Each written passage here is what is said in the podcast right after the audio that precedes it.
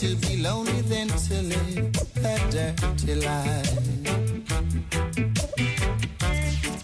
All of those things that we've been through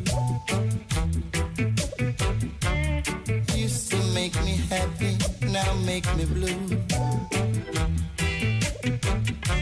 I didn't believe the things that I've heard, now I've seen it with my own eyes. I know actions speak louder than words. But Lord, know that I don't wanna be lonely tonight. Granny, know that I don't wanna be lonely tonight. I mean it, yes, I mean it. I don't wanna be lonely tonight. But I would rather to be lonely than to live a dirty life.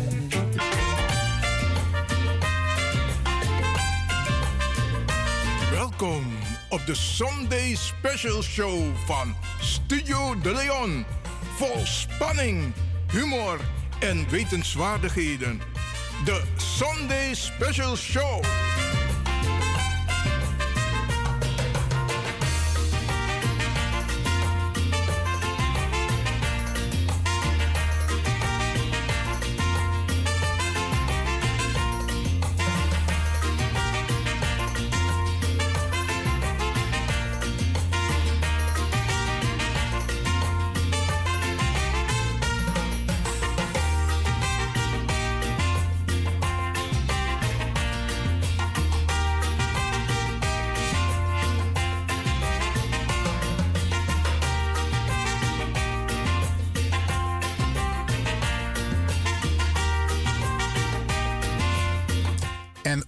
Deze mooie zondagmiddag, we bar alasma odisa e arki.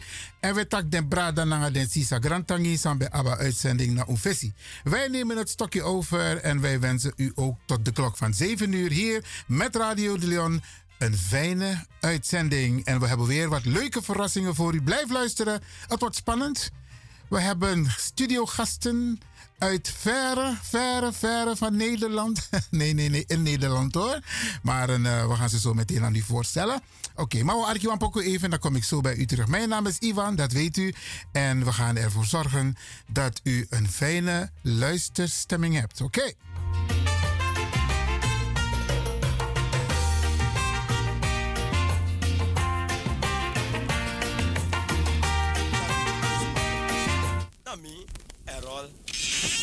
Hey, conheci de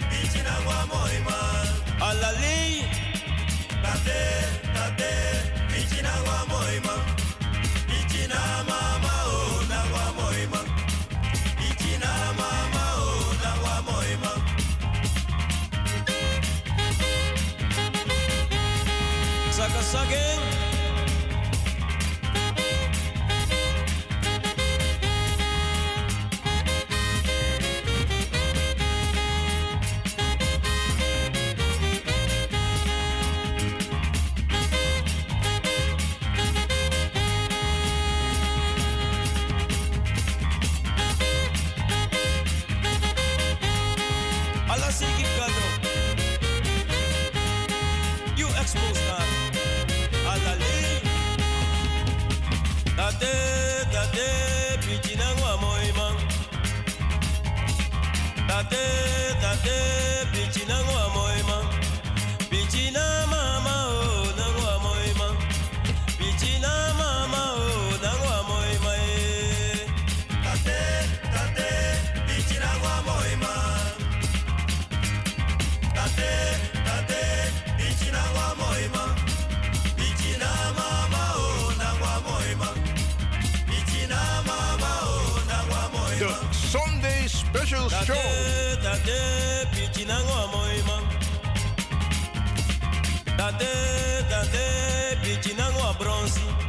do pichi na mama o na ngwa moima. Wati pichi na mama ti de na sana e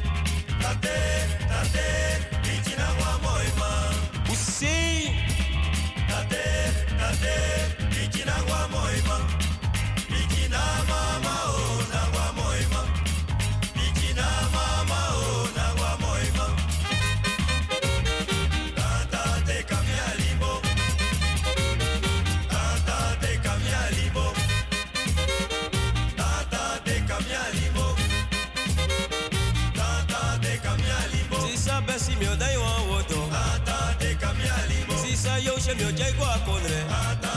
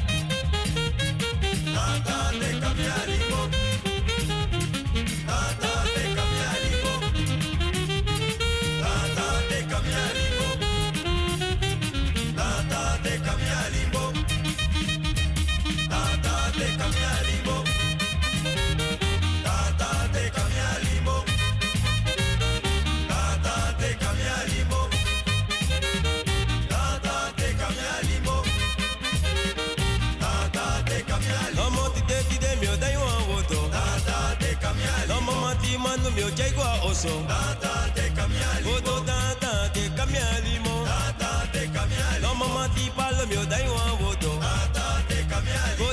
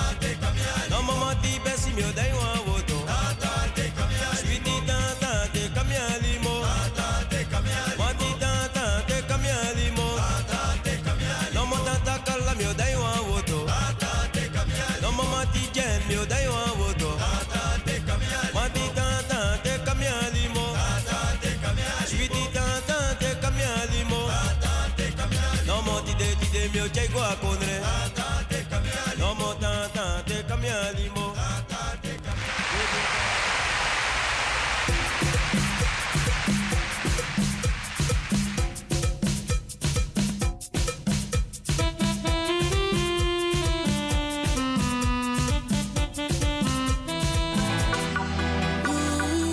Sabi, dat no no there, je Arki Radio de Leon.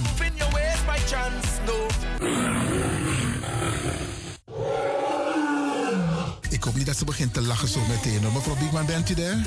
Ja. Adekba. Adekba. ja.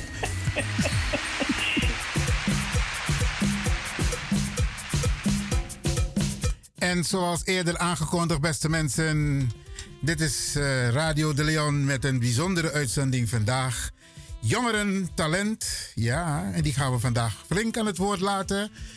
Um, ik heb twee studiogasten, een papa en zijn dochter. Ja, zometeen, zometeen, rustig, rustig. Je krijgt zometeen de namen te horen. Maar ik denk dat het goed is om naar een pokoe te luisteren. En dan gaan we de zanger, die zit in de studio, die gaan we vragen om het lied te analyseren. Ja toch? Oké, we gaan we pokoe even. Zanomang, no musu. Libizana eke fasande. E fishita kanego. Fikeng mekago. Zanomang no musu. Libizana eke fasande. E fa vrouw fino wanimoro. Paki bisa en ipototo. Te imek moeite ne sita kanego. Dat want taka no bende fuyo. Boto gwa wa her trasei. Mano tek man di fuse. Sana man ano musu musu. Libi sana eke fasande. E fa vrouw fino wanimoro. Aki bisa en ipotato. Te imek moeite nye sita kanego. Dat want taka no bende fuyo. Para boto gwa wa her trasei. Mano tek man di fuse nenguade. De king lek vader maar laat wel merken er meer huizen zijn dan kerken. Maar ook op ik zorgen dat je no maar zondering. Because dweng je lobby's rest na van pisting. If I know one more of you me kago. No hopo ya no na ke wata you was roto. Isore lobby jesa wani to afenda no no fo. Afenda kwa mane fo cross kasi moro. Bifro fenta kama fe no kango sodoro. Yargo yar ponga ma fe neroko. Ruku matenga de tapa ukes mo kayonko. Kana fro kore e de de che. Na embroke e de nyange guamofo. Na enges don praxer fo pa ya yuroso. Dat make ta ma finka oso jonsro. O ya ga dat gwe o te gen jeng na komo bikas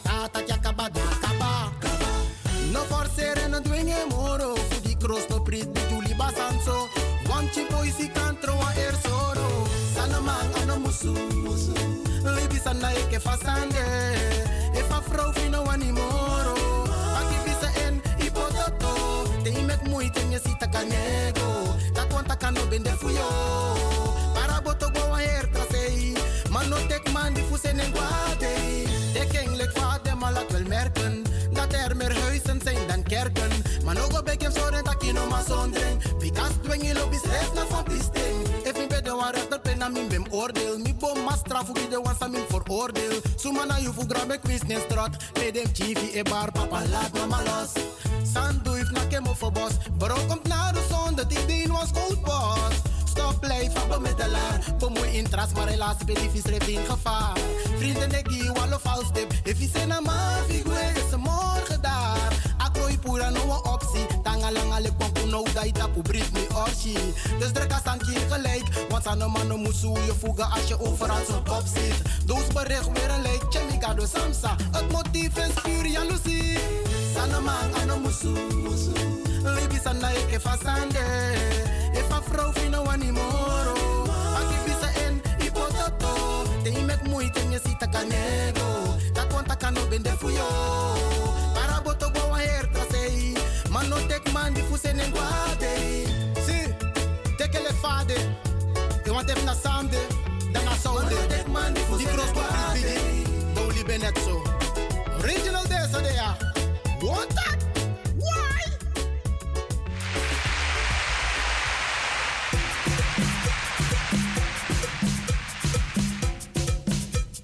En met de zanger, schrijver neem ik aan van deze tekst, dit mooi lied, gaan we vandaag praten.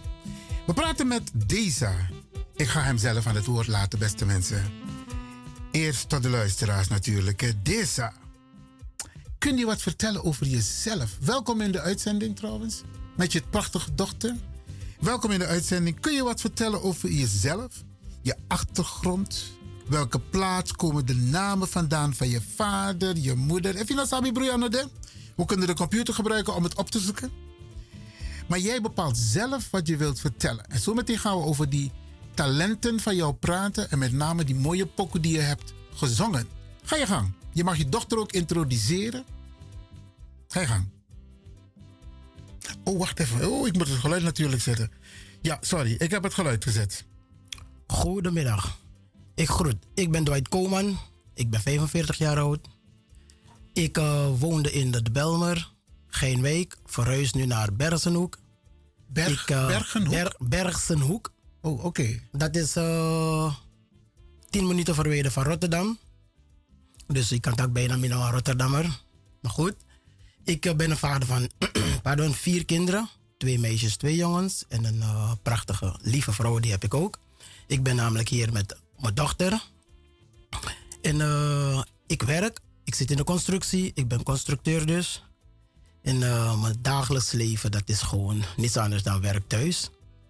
Vrienden bel ik op. Familieleden bel ik op. Ik zoek ze niet echt op. Dus ik ben meer een huismuis. En in uh, de zomer, dan ben ik overal.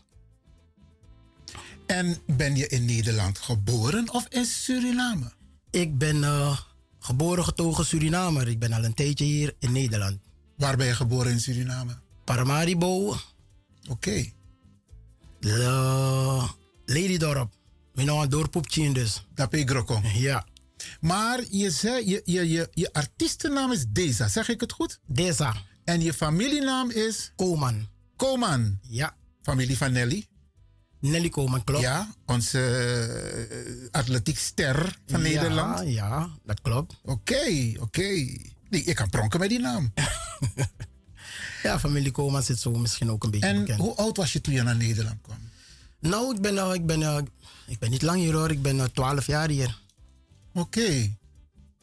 In Nederland. Oké.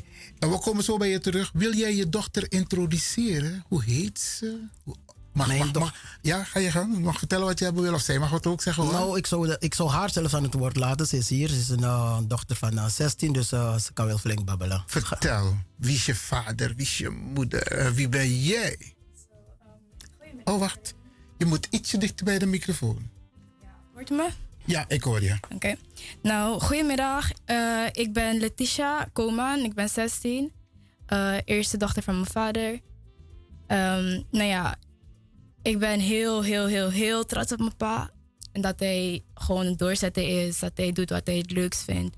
En dat hij, ja, gewoon zijn gaven deelt met iedereen een boodschap doorbrengt.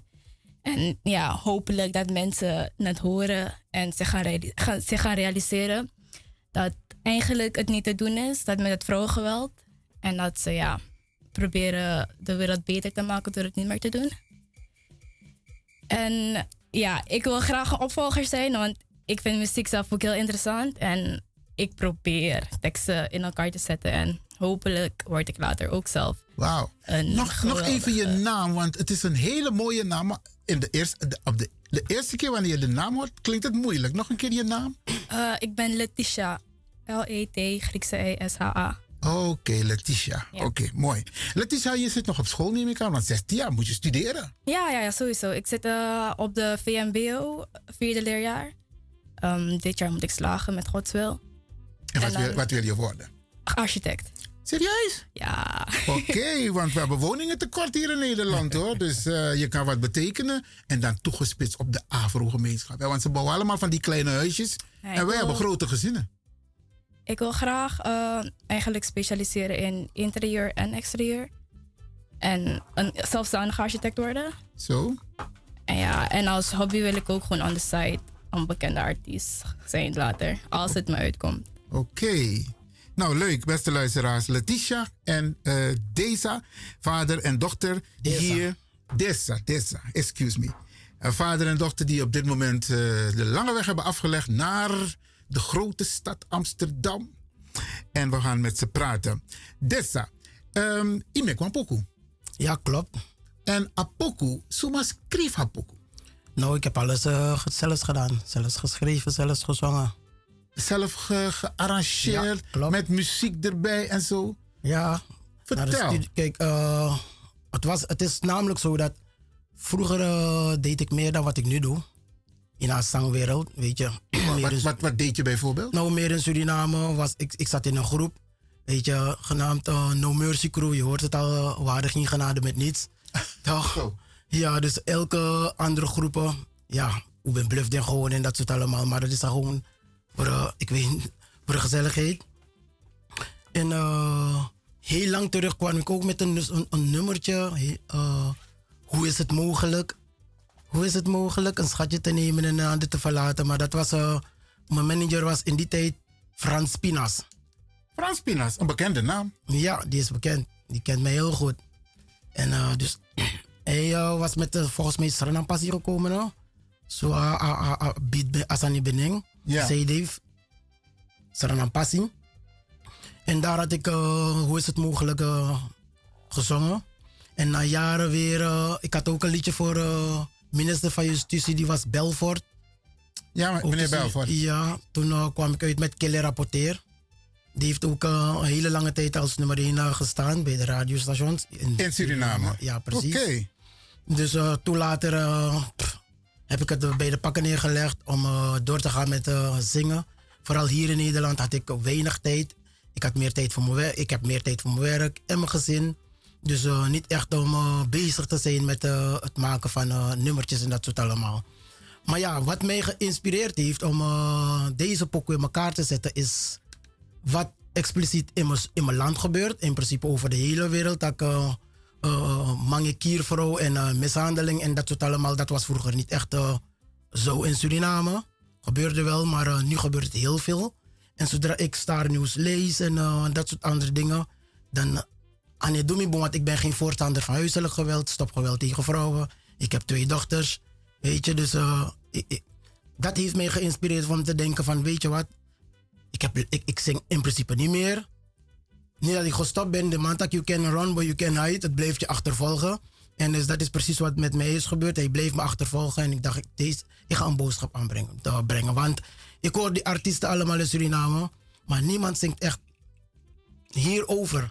Om uh, in, voor de maar, relaties, ja. wat, wat, er over, wat er elke dag gebeurt. Wat er elke dag gebeurt, ja. Want al die bitrangen in Suriname, de mensen gaan de verkeerde kant op. Mannen zijn zo zwak geworden, als ik het zo moet zeggen. Die, ze kunnen geen discussie aangaan en dan gaan ze hun, kracht gaan gebruiken tegen de vrouw. Weet je, omdat ze precies weten van de vrouw is niet eh, echt capabel of sterker dan mij. Maar dat moet het niet zijn. De boodschap is Sanne Musu als het niet kan. Hari Kmopo. Meer niet. Ja.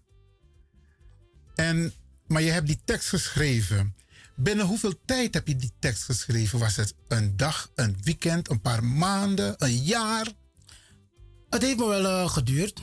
Waarom? Mina Tintemboto. Ik kies de juiste woorden wanneer ik een- met de lied eh, uitkom. Ik ben niet echt iemand die binnen enkele weken of binnen enkele dagen, dan ben ik al klaar. Dat kan wel gebeuren. Maar ik zeg altijd, de, best, uh, de beste cake is een cake die lang duurt. Toch? Am apting. Apting heeft me kwans aan. Dus kopweg, enkele maanden heeft het me wel geduurd.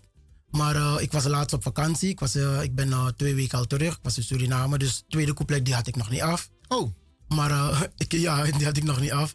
Ik was gewoon naar de studio geweest bij een vriend van me. En ik heb hem laten weten wat ik naar voren wil brengen. En hij begon gewoon met een beat. En dat heeft mij meer die moed gegeven om snel op te schieten met, met mijn tweede couplet. En dat heeft wel niet lang geduurd. Binnen enkele dagen was ik al klaar met, ja, met mijn tweede couplet. want je zingt het zo vlot. Eh. Dat denk ik bij mezelf. A tekst de hela hela in you ede. Ja, klopt. Zo, want het gaat ook zo snel. Ik denk, als ik het zou moeten nazingen, zou ik het bijna tien keer moeten lezen. Maar het lijkt alsof het gewoon in je hoofd zit. Ja, omdat het mijn talent is. Wauw. Ja, het is een van mijn favoriete talenten. Maar je hebt nooit in een muziekgroep gezongen in Nederland. Nee, dat niet. In Nederland heb ik echt niets gedaan. Niets gedaan. Is dat, wat, wat zijn je wensen? Want nu, no ik jou een pokoe kom. A pokoe et taknangasma. Hij tegen de maas maar van handen thuis. Klopt. Snap je? Dus a pokoe ook bekend. Want we draaien maar nu naar Caribbean FM, Salto, De Leon. Dus mensen horen het. En dat gaat discussies teweeg brengen. Mooi. Dan gaat men je vragen van... Hé, hey, iemand kan zingen a pokoe dappe, treed op dappe. Hou rekening daarmee. Ja, klopt. Kijk, in principe, zoals ik het al eerder zei, van, ik deed niets. Is langer dan 15 jaar lang dat ik helemaal niets meer doe. Wat Poco betreft en zo. Weet je, dat, dat, je moet tijd maken om, om, om door te gaan met muziek. Ja. Maar uh, die inspiratie heb ik al laten weten van waar het vandaan komt. En uh, mensen zeggen van dit, je hebt het in je, waarom begin je niet opnieuw, waarom ga je niet verder en zo. Dus ja, ik zou niet zeggen van dat ik uh, het hierbij laat. Ik denk dat ik de draad weer oppak. Oké, okay, mooi man, mooi man. En trotse dochter, kan jij ook schrijven, teksten schrijven? ja, zeker. Oh. Ik schrijf mijn eigen muziek. En soms gewoon voor de fun gaan papa en ik samen op de bank. En dan gaan we remixen. Of uh, we zetten gewoon een beat aan en dan gaan we spitten. Dus, Serieus? Ja. Ja, okay. maar zij, zij rapt. En uh, ik ben niet echt uh, een, een, rapper. Ik probeer het soms wel, maar zij is daar beter in. Ik ben niet echt een rapper. Ik, ik, ik, ik, ga jullie aan het werk zetten.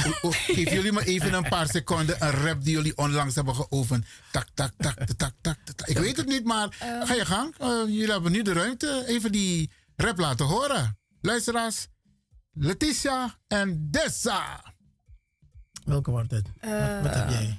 Of wat hadden we samen zoiets? Wat we samen hadden, we waren gewoon aan het kletsen, eerlijk gezegd.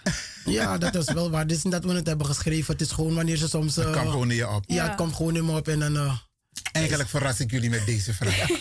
Brianna de, Brianna de, we gaan dat niet doen. Oké, okay, oké. Okay. Beste luisteraars, ik praat dus hier met Dessa en Letitia.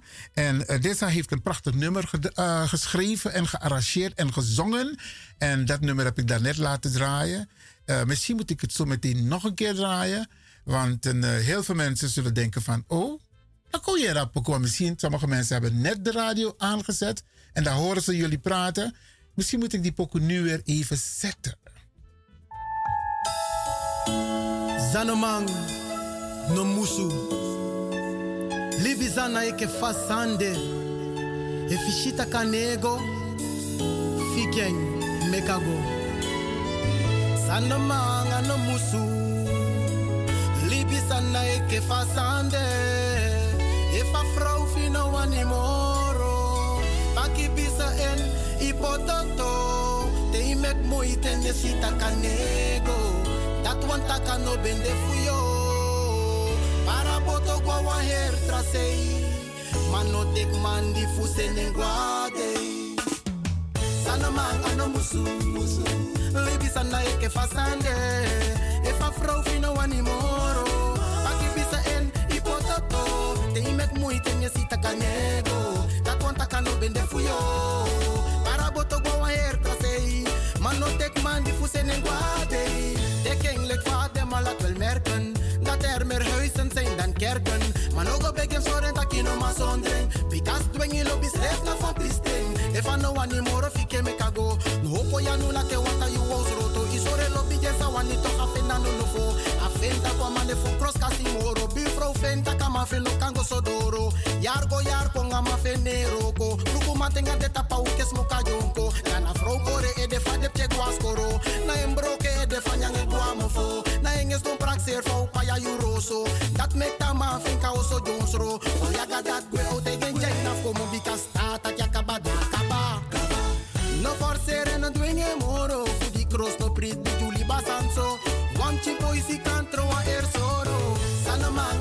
ano musu Lebi sana eke fasande.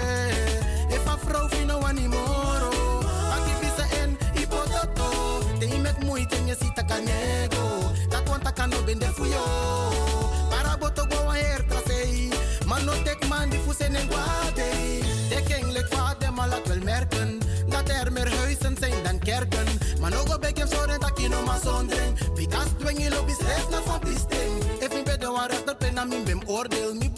straf wie de wan sa min veroordeel Suma na you fu grabe quiz nen strat Me dem chivi e bar papa laat mama los. Sandu if na kemo voor bos Bro komt naar de zon dat ik die was cold boss. Stop blijven bemiddelaar Bemoei in tras maar helaas ben die vis in gevaar Vrienden ik die wallo vals tip If je zin na ma figure is morgen daar. Akrooi pura no een optie Tanga lang ale kwampu no da itapu brit me orshi Dus druk als aan keer gelijk Want aan de mannen moet je voegen als je overal zo kop zit Doos bericht weer een lijk Chemica do samsa Het motief is puur jaloezie Sana man ano musu Lebi sana na eke fasande. If a vrouw fino wanimoro. Aki bisa en ipototo. Te imek moeite je ziet a canego. Dat want a kano bende fuyo. Para boto go wa her trasei. Man no tek man di fuse nen guade. Si, teke le fade. E want ef na sande. Dan na saude. Di cross to pribidi. Doli benet zo. Original desa de ya. What that?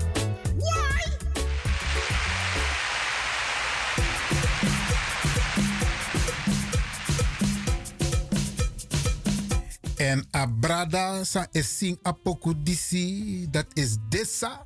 De echte naam is Koman. En hij heeft dit nummer geschreven. En hij is nu hier in de studio bij Radio De Leon. En beste luisteraars, Amanda, hij is 45 jaar. Klopt het wel? Letitia, is hij echt 45? Hij is 45 jaar. Toen jullie binnenkwamen, dacht ik jullie zijn eh, broer en zus of man en vrouw. Dat denken heel veel mensen. Maar nee, ik ben 16, hij is 45. Vader en dochter. Hey, complimenten. You're looking good, brother. Dankjewel. Oké, oké. Hey, ehm, nou hebben we het een beetje gehad over ehm, de clip die je hebt geschreven trouwens. Op dit moment vindt ook de aandacht geweld tegen vrouwen in India, Pakistan, maar ook in Kenia. Oké. Snap je? dus, dus er wordt ook geprotesteerd van mannen, blijf af van de vrouwen. Precies dat. Want vrouwen worden met geweld eh, eh, behandeld. Sommigen worden zelfs ver- vermoord. Ja. Isabi. En de man denkt nog steeds dat hij dat mag en kan doen. Dus eigenlijk ontbreekt hij naar jou, naar Pokudisi. Met den brada wiki. Ja, precies dat. Trouwens, ik moet je eerlijk zeggen, in sommige families, dan een familie tre op hè? Ja, kan ik ook zeggen. Kijk, eh, soms uh, het, is niet alleen van eh, wanneer je met je vieze vingers op die vrouw afgaat, dat uh, je de schoot zijn. Het kan ook een familieruzie worden, weet Ja. je. Want uh, ik van mij, ja, een voorbeeld ga ik geven. Ik heb mijn dochter hier en uh, ze heeft uh, in de toekomst straks misschien uh, nou, een, een vriend en zo. En dan maar dat op je aan het tappen. Ja, dat wordt een beetje nee, lastig dat, misschien dat, ook. Dus dat dan, gaat ze niet vinden. Nee, nou, hoop Als ik ik naar je niet. dochter kijk, verdient ze een hele lieve, zorgzame, rijke man. Ja, en dat die praat heel ook- veel liefde zal geven en respect voor je zal hebben. Precies. Je moet geen man hebben die eh, eh, op en aan No, no, no, no, no. Foute boel. ja, maar soms veranderen ze ook als een blad aan een boom, hè? Ja, kijk. Wij kunnen elkaar ook opvoeden, hè. Door heel simpelweg, wij draaien maar we kunnen ook met elkaar praten. Nee, ja. En, en communicatie, sommige Sernamangs kunnen niet echt communiceren. Communiceren. Ja, Maar dat is niet erg. Dat we leerling van de moest communiceren. Ja toch? Ja, ja. Want apoku zei je gino no. Na communiceren. Je communiceert van hey, no naki teki toto toto dai go. Ja, precies, die patoto, hè? Patoto. Oh, oké. Ja, en als je niet eh, kan communiceren of eh, niet verder in die discussie wilt, weet hoe je omgaat met je emotie, dan betrek je harik mopo. Zo is dat. Weet je, betrek je harik mopo, go relax even, maar eh, laat niet zien als man hoe zwak je bent en eh, dat je overgaat tot wat in je gedachten opkomt. Ja. Eh, Naki of noem maar op, het hoeft niet. Oké. Je. Een andere vraag over jouw mooi lied dat je hebt geschreven, gearrangeerd en gezongen. Komt er ook een Nederlandse versie van dit nummer? Ik, ik stel die vraag, hebben we niet voorbereid. Precies. Maar komt er ook een, of denk je erover na? Ik kan erover nadenken. Het is niet dat ik erover na heb gedacht, maar ik kan er wel over nadenken. Dat, dat, dat zou ook goed zijn. Dat Of, ook of een mix van Sernantongo En. Tatatongo. Ja, ja, ja. Want dat doe ik soms ook bij nummertjes van mij. Dus, Want ook eh, hier hè, hebben die Hollandse mannen er ook een handje van in nakvrouw, Isabi. Goed gezien, ja. Ja. Ja, klopt. Dus die pokoe, dit lied wat je hebt geschreven en gezongen, kan een antwoord zijn. Kan een, een, een, een bijdrage leveren aan die mannen die denken van... hé, maar Dissa heeft gelijk. Ja, dat is, dat is, dat is, dat Ja, is een goeie. Dat is een goeie. Ik kan hem ook zetten in Nederlands hoor. Oké, mooi man. Misschien kan ik bij deze helpen. Hè? Ja. Wat zeg je, Letitia? Ik zei, misschien kan ik bij deze helpen. Hè? Je hebt het al gezegd. Iedereen heeft het gehoord.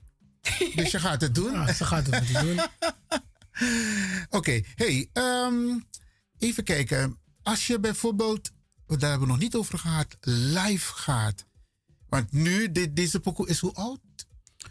Nou, Twee, drie dagen denk ik. twee, drie dagen. Zo, dus we hebben echt een primeur hier bij Radio de Leon. Ja, Voor Drea Pokoe. echt hè? Oké, nou dankjewel voor, eh, voor die bekroning. Alsjeblieft. Oké, als mensen je zo horen. Nou weet ik uit ervaring dat sommige groepen zangers worden uitgenodigd op, bij evenementen, parties, om op te treden. Ga jij dat ook doen? Als, ik, eh, als de mogelijkheid voor bestaat om op te treden, ga ik uh, zeker wel optreden. Bij mij gaat het niet uh, echt om de bekendheid, maar bij mij gaat het om de boodschap. De boodschap. De boodschap moet oren raken, weet je. En wie oren heeft, die oren. Kijk, en dan zou het goed zijn dat er een Nederlandse versie komt.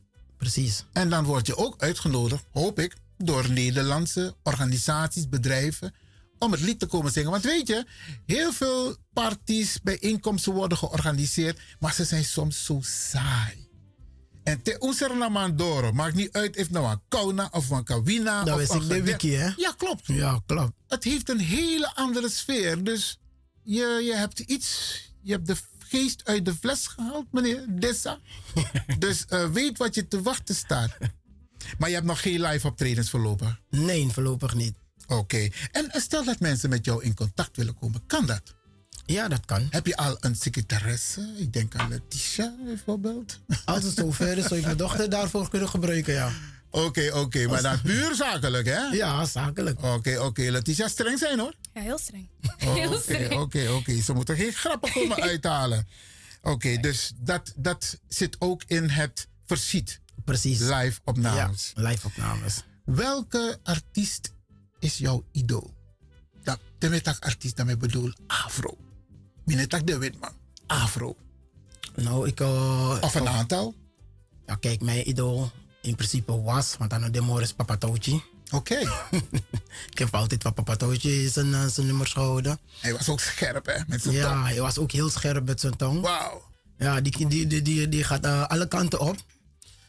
maar nu in... Uh, ik, ik, ik luister meestal meer naar Jamaicaanse artiesten. Welke bijvoorbeeld? Capleton, Sisla. Oké. Okay. Pennyman.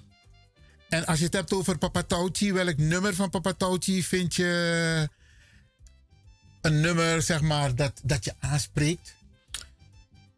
Hmm, dan moet ik even weer snel gaan denken. Welk Maar hij heeft heel veel nummers, hey, hè? Ja, dat bedoel ik. Hij heeft heel veel. Uh... Dacht, ik ga ook even kijken hoor. Of ik een, uh, want ik heb hier een aantal nummers van hem.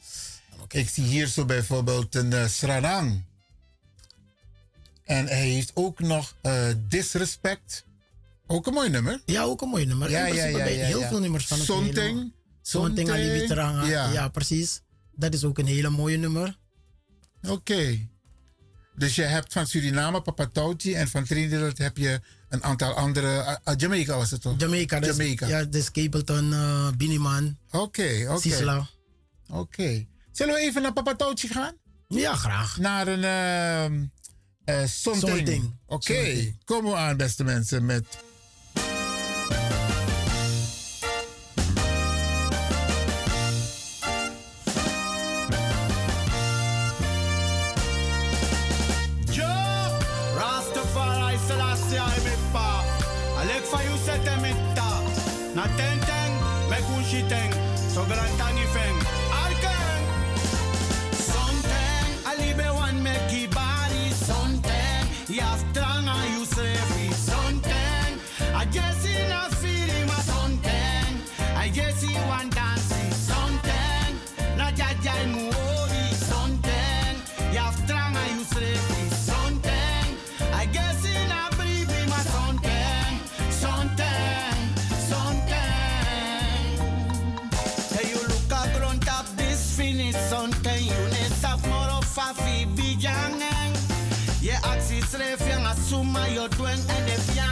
yanga den dwen if u sameken. Sometimes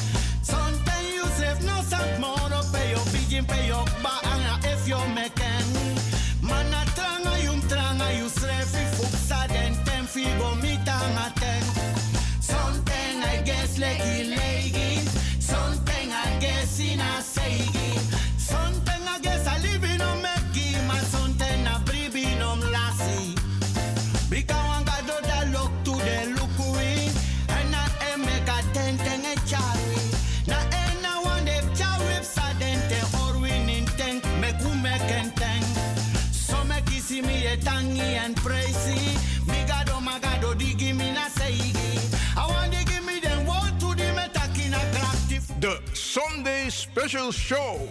Make it see me sing a granny. Make it see ti de me conteri. Anga le specha nga saka fasi mami ye ye no mine kori. En dit is Papa Tauchi, idool van uh, Dissa.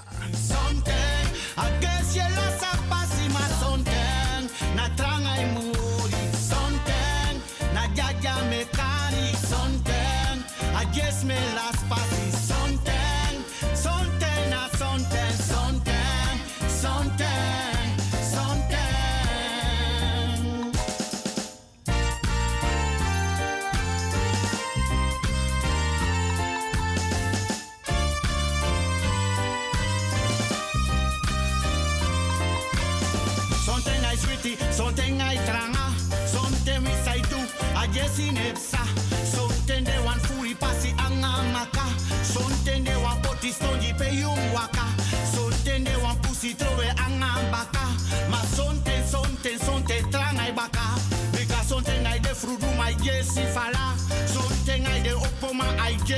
saka, something I sorry and fesima I jesi mbaka, something is den tayi toke broke up sa.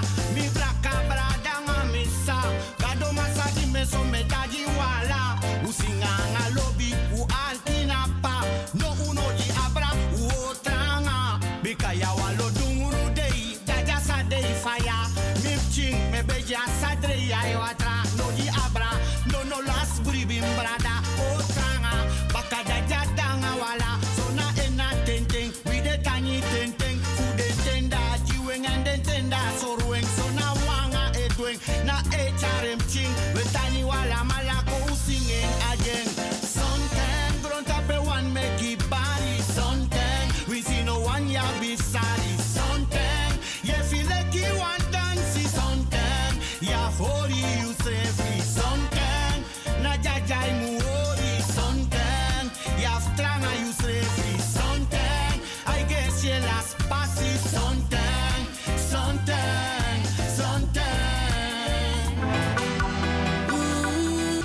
sabi that no no there, je arki Radio de Leon.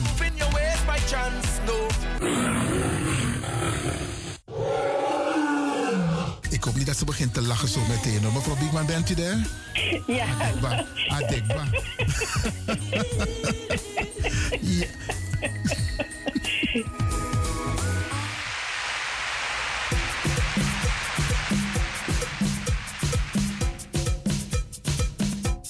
En in de studio hebben wij een kerstverse zanger uit Suriname. Hij woont in Nederland, hoor, maar geboren in Suriname. Ja, ja, nou, een kankan Suriname. Lelydorp, zeg ik het goed, meneer eh, Dessa? Geboren in Lelydorp. Oké. Vanaf, eh, en heb daar gewoond tot mijn vijfde jaar en daarna in Ballona. Ballona Park? Ja, Ballona. Ja. In de buurt van meneer Wijngaarden daar? In de straat van meneer Wijngaarden. Oké, oké. De Priviland, hè? Ja, ja, ja. Geweldig, In de geweldig. straat van meneer Wijngaarden. En daarachter hebben wij ook gewoond, hè, de Bindastraat. Ja, de Bloed Binda, precies. Ja, dat Ja. is mijn blok geweest. Ja, ja, dat ben ik wel liever ook toe. Mooi man, mooi man. Maar vroeger had je veel fruitbomen daar. Want het was Binda-project, hè? Binda-project, ja, hey, precies. Dat je bij Ab- Awaraboom, Manjaboom. Jamuboom. Hey, ja, vooral Jamu. Ja, vooral Jamu. Hey, die ding, zijn die dingen er nog te vinden, Jamu? Oh, Jamu heb ik een hele lange tijd, jaren min als je Jamu maar ik weet het niet. Jamu bonen. Oh, dierentuin. Laatst nog. Oké, oké. Had ik een Jamu boom gezien, ja, maar verder min. Ja, boom dat schreef. Ik was naar een eh, Mariusrust. Daar heb je daar een Jamuboom. Maar omdat am- een Jamuboom ligt op een berpe. Volgens mij dat dat dat is wang. Moet je vast den Jamu. Dat toen nog jang. Amandelbomen volgens mij ook, ja. Ja, ja, ja. veel. Oké. Ja, beste luisteraars, u weet het, hè, hier bij Radio de Leon hebben we altijd speciale gasten. En deze is daar één van. En we praten met hem, want hij heeft een heel prachtig nummer geschreven. Heb ik al twee keer afgedraaid. Ook een nummer van zijn, één van zijn idolen, Papa Tauchi, hebben we afgedraaid. Want hij is een upcoming artiest. Hij zingt nu nog even achter de schermen. Maar de bedoeling is dat alles maar ejere juboskopu. Ja toch? Ja, Want dat, dat is, eigenlijk jouw doel. Precies dat. Mooi man. En, ehm, want je woont in Rotterdam. Ben jij al een beetje bekend met de Rot want Rotterdam? Ja, artiest, ja, de Pokémon. Nou, kijk, het is eigenlijk, zoals ik het zeg, is Bergsenhoek. 10 minuten verwijderd van Rotterdam. Maar je vindt me niet altijd in Rotterdam als ik niets heb om te zoeken. Dus ik blijf net in mijn blok. Maar voer ze naar maar Elidab, hè? Naar Bersenos. Hoek of weet ik veel. Nee. Maar tegen eerlijk jaren, Nou, mi no dat in. Nee. Alla demi mu shisser na man. Mi si blaka buba. Toen was je de blakke boeman dan met kabel, maar. Ja, mijn vrienden. Ja. Oké, oké. Maar die pokoe die je hebt gemaakt heeft een boodschap. En dat wil zeggen, mannen moeten het geweld stoppen tegen vrouwen. En mannen moeten leren voor de tak naar de spekkie vast naar de vrouw, naar de oma, naar de dochter. Precies. En dat de moest tak grofu kosmama in het bijzijn voor de pitani. Klopt het? Klopt helemaal. Want, helemaal. Want je hebt een beetje... Er, want in skriva pokoe zomaar. Kijk, weet je dat... Want eigenlijk moest ik je vragen, waar komt die inspiratie vandaan? Weet je wat het ding is? Vele mensen kunnen van het lied houden. Kan die iloba beat, iloba swing, je zingt mee. Maar je mag ervan houden. Je mag swing mee. Maar die boodschap, dat moet niet het ene oor ingaan en het andere oor uit. Die boodschap moet, e- het, het moet, het moet eer bewegen. Ja. Dus als jij een man bent, en Mickey is er schuldig dat je soms de klus kwijtraakt, dat hij agressief gewoon wordt. Dus zo, arka en tel tot vijf even.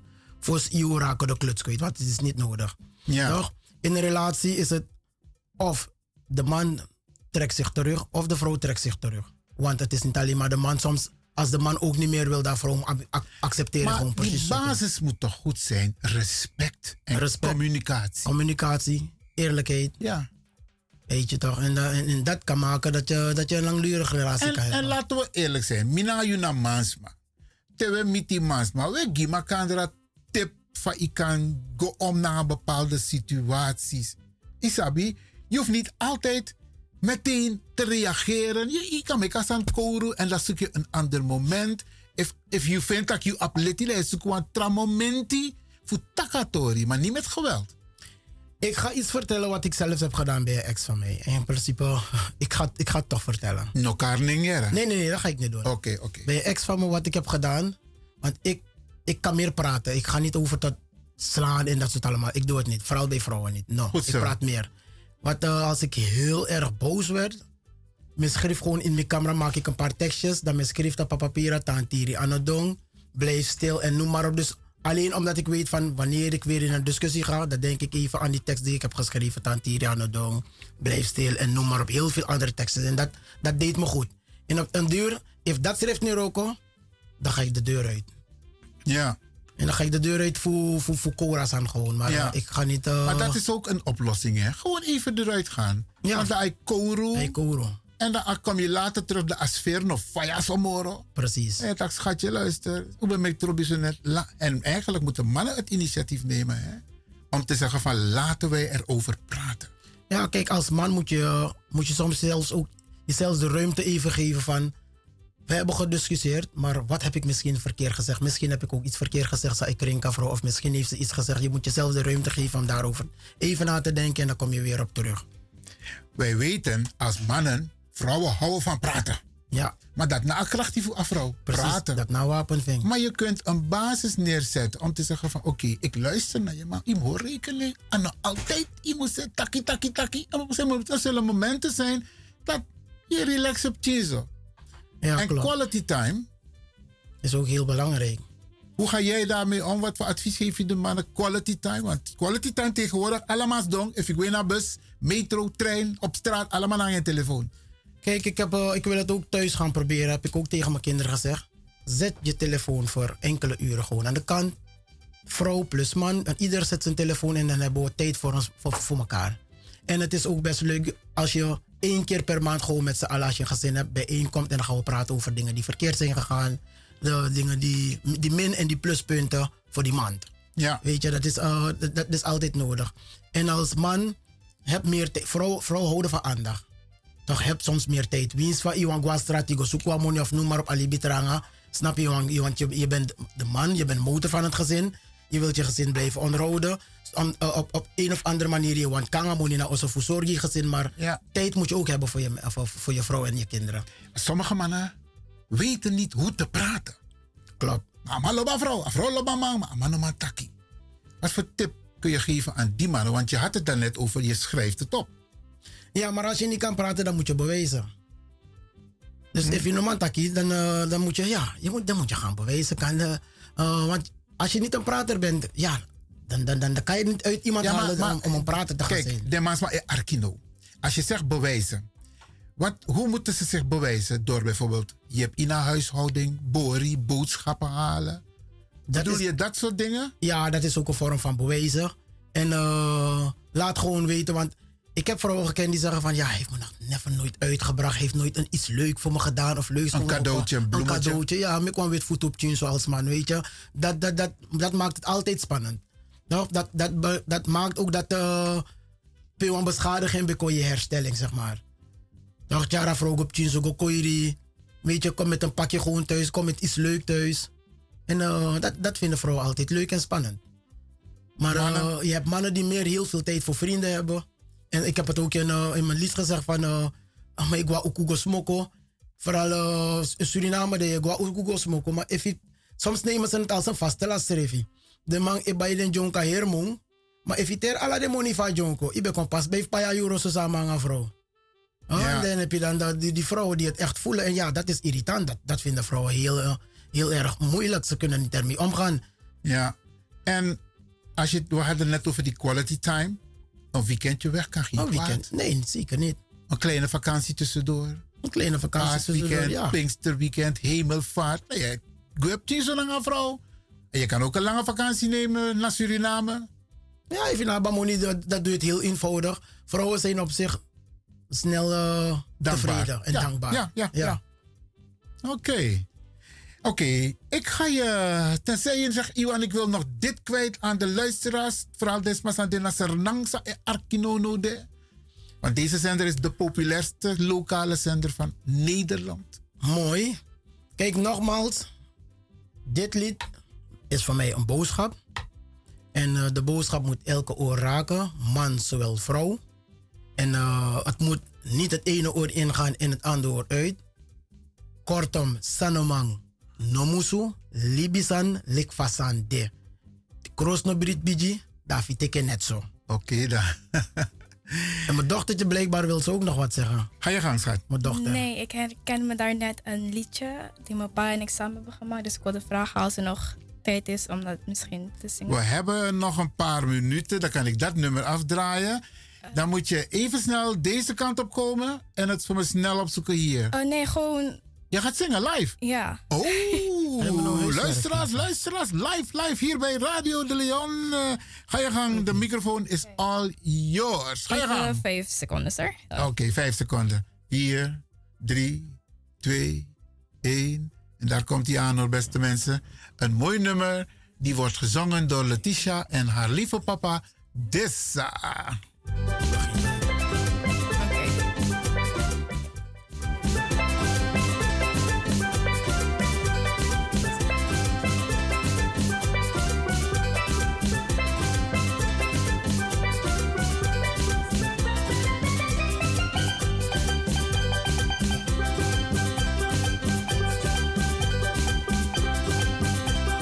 Geen probleem, maar als het niet lukt, doen we het gewoon de volgende keer. Want dat is de laatste vraag die ik wilde stellen. Ja, klopt, maar, Dit eh, is het niet is- je eerste keer bij Radio de Leon, neem ik aan. Nee, dit wordt niet mijn eerste keer hoor. Zeker niet. eh, En dan mag jij de luisteraars beloven dat je weer terugkomt. Anomitaki dan, Jutaki. Ja, luisteraars, dit is eh, mijn eerste keer, maar het wordt niet mijn laatste keer. Zeker niet. De boodschap die heb ik gebracht en ik denk dat na deze boodschap dat ik nog meer met andere boodschappen kom. Toch? Eentje, de, de, de tweede boodschap die ik dit jaar nog eh, ga brengen. Ik ga jullie vertellen waarover het gaat. Het gaat over, je hebt de ma, sa epot dem chin vroeg vroeg na osso te de tje kan wan beren na osso. Maar dan moet je nagaan. De waar- pot den na osso? Nee, de pot den na oké. Ja, precies. Correctie. De pot dem chin na doro. Maar dan moet je je ook navragen van, waar was je opvoeding als moeder? Want sommige moeders die geven niet een goede opvoeding. En soms china sa den shift dem ma. Maar je met zegt den teki. mama, maar wat about papa? Ja, kijk, meestal. Het, zijn, het is een vader en een moeder die, die het samen moeten doen. Die verantwoordelijk zijn. Die verantwoordelijk zijn. Toch? Maar in een case dus, dan zijn er die vaders die de moeder gewoon alleen hebben gelaten naar de ching. Oké, we horen ja. Dit is je volgende item. Dat wordt het. Ja. En dan gaan we dat hier bespreken bij Radio de Leon. Helemaal top. Motaki Grantangi, want Ayuru Elonja zo. Salto Nieuws gaat ons onderbreken. Letitia, Ja, ook bedankt. Als u. Zo. Ja, wilde je nog wat zeggen? Ga je gang hoor. Uh, nee, nee, nee. Ik vond alleen, ja, dat lied zou wel leuk zijn. Maar het, het is niet erg. Um, ja, ik vond het leuk om hier te zijn. Mijn eerste keer. Ik was heel uh, nerveus, maar het is me gelukt. leuk en ja, shout-out naar mijn pa en iedereen die luistert. En dank jullie wel voor het luisteren. En waarschijnlijk horen jullie zoen weer van ons, denk ik toch? Geweldig. Top. Ja. Succes. en uh, met die pokoe. En ik zie graag uit naar de Nederlandse versie van Apoku Sanyu Mickey. Ik ga eraan werken. Komt helemaal goed. Ik groet.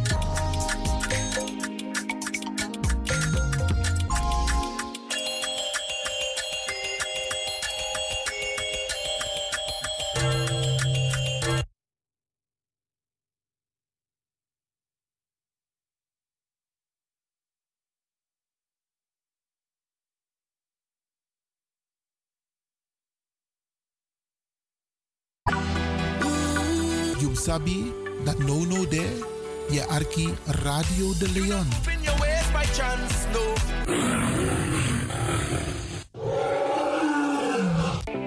Ontdek Zwitserland tijdens het paasweekend. Ga met ons mee op een comfortabele driedaagse busreis van 29 tot 31 maart. Een bezoek aan het FIFA Museum, uiteraard voor de voetballiefhebbers een citytour in Zurich, dat is de hoofdstad van de financiële wereld. Verkenning van de adembenemende Rijnwaterval, de grootste waterval in Europa. Prijs is vanaf 365 euro per persoon op basis van een driepersoonskamer. Boek vandaag nog Citra te bereiken op 06 41 61 2903. Wilfred 06 87 64 29 90. Bekijk ons op Facebook. Nationaal Suriname Voetbalmuseum. Aanmelding uiterlijk tot en met 31 januari 2024. En u maakt kans een unieke FIFA WK trofee te winnen.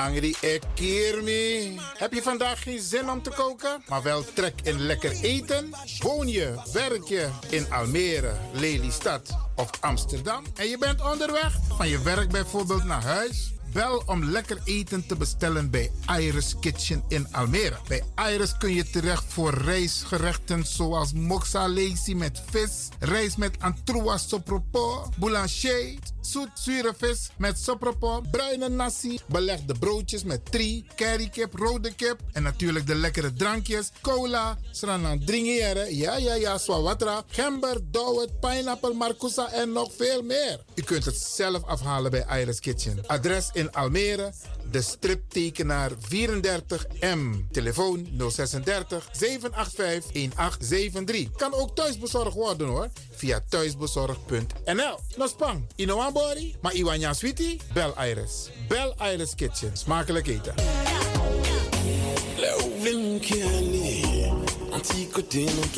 The Soul Jazz Lounge is back. En op 10 februari is all about Louis Armstrong Ella Fitzgerald. Samen met het Ernesto Montenegro Quintet, all the way from Gran Canaria, zullen wij jullie een Night to Remember bezorgen. Wil je erbij zijn? Koop dan jouw tickets op de website van het Belmer Parktheater. www.belmerparktheater.nl En check us out op al onze socials. It's the Soul Jazz Lounge.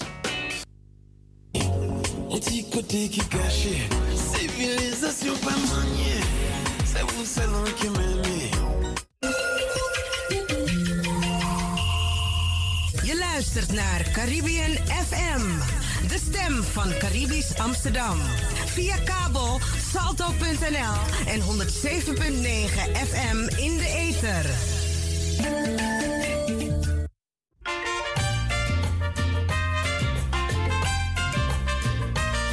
Welkom op de Sunday Special Show van Studio De Leon.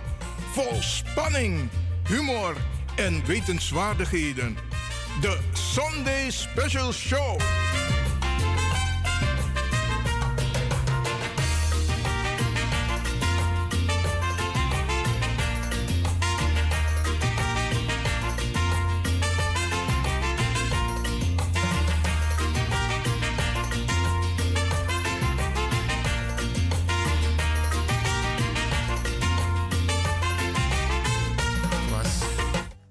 Aanleiding van een jaar na de comma.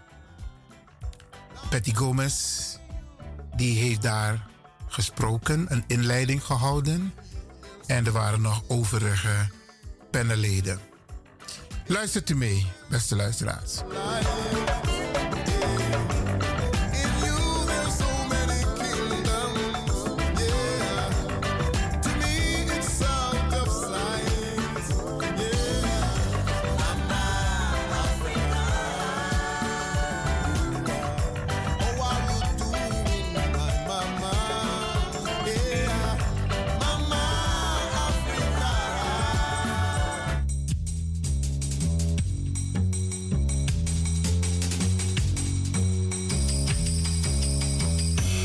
Welkom allemaal hier in de Bali. Fijn dat jullie gekomen zijn. Door weer en wind, eh, kan ik wel zeggen. Eh, mijn naam is Rogaya Sek. Ik ben hier programmamaker.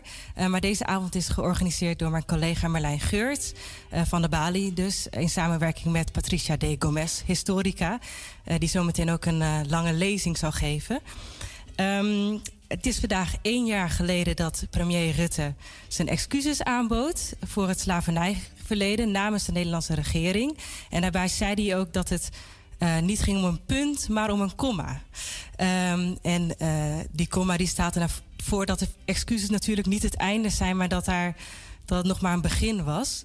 Eh, dus dat lijkt ons een hartstikke goed moment, een jaar later, om met verschillende personen te spreken wat er eigenlijk gebeurd is na die komma en eh, wat er nog moet gaan gebeuren.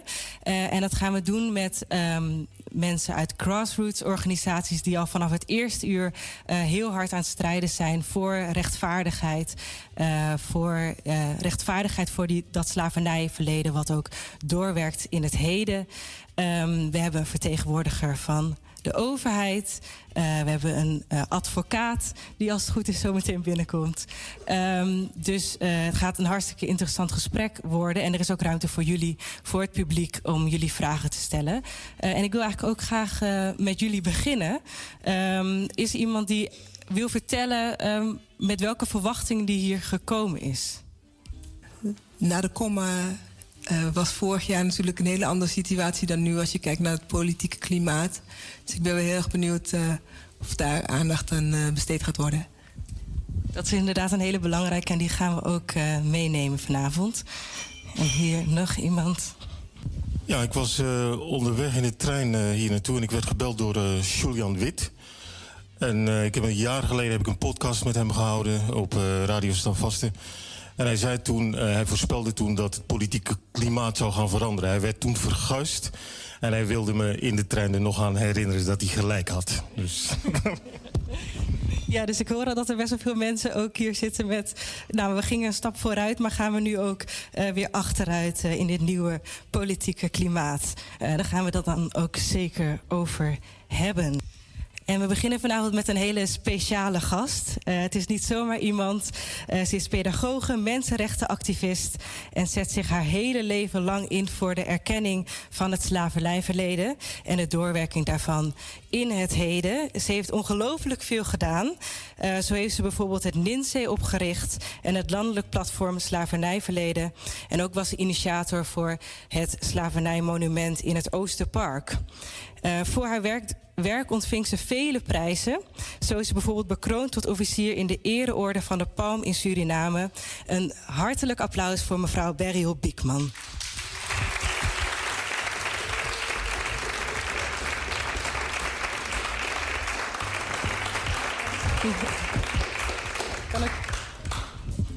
Welkom, mevrouw Biekman. Ehm, toen een jaar geleden de excuses eh, kwamen, zag u dat toen ook als een erkenning van uw werk? Volgens mij ben ik helemaal dichtgeklapt, omdat de voorouders eigenlijk best jaloers zijn. De voorouders op wie schouders wij rusten. Daarna zou ik u willen vragen of we kunnen beginnen met één minuut stilte. Zodat uh, ze ons hier kunnen omringen, zodat ik kan spreken. Dat lijkt me een heel goed idee. Gaat u het inluiden? Ik heb mijn wekker gezet. Dank u wel. Ja, en ik weet zeker dat ze nu hier zijn. en dat ik nu mag spreken. Uw vraag. Mijn vraag was of u het ook zag als een erkenning van uw werk, die excuses. Erkenning van mijn werk, uh, erkenning van het, van het werk van uh, velen die uh, ook betrokken zijn bij het landelijk platform Slavernijverleden. Ik zie een aantal hier in de zaal, bijvoorbeeld Prada Kaikusi. en ik zie ook Patricia Gomez. En eigenlijk ook onze coach, mentor, als ik haar zo mag noemen. En uh, hartelijk dank dat ik er mag zijn. Ja, of ik het uh, zag, uh, of het de erkenning is van mijn werk. Dat wil zeggen, een deel.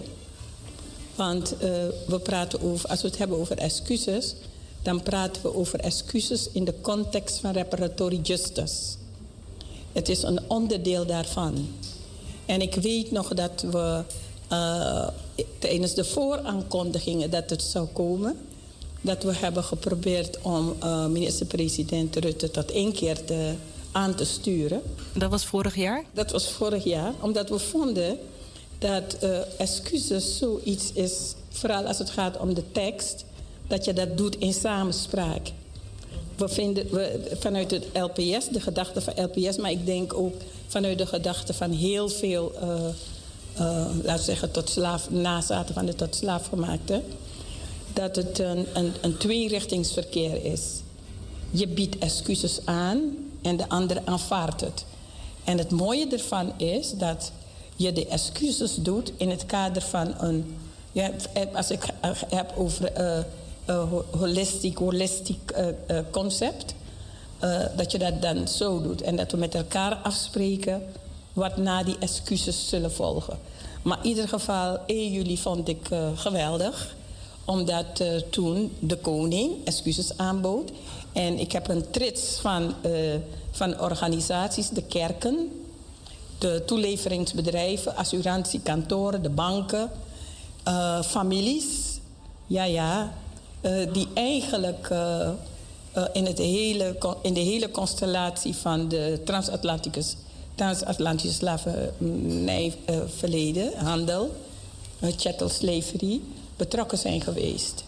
En natuurlijk de Nederlandse staat die vergunningen heeft uh, uitgegeven, opdat die de slavernij uh, kon worden, of dat de mensen, de Afrikanen konden worden gekidnapt en vervoerd om dwangarbeid te verrichten.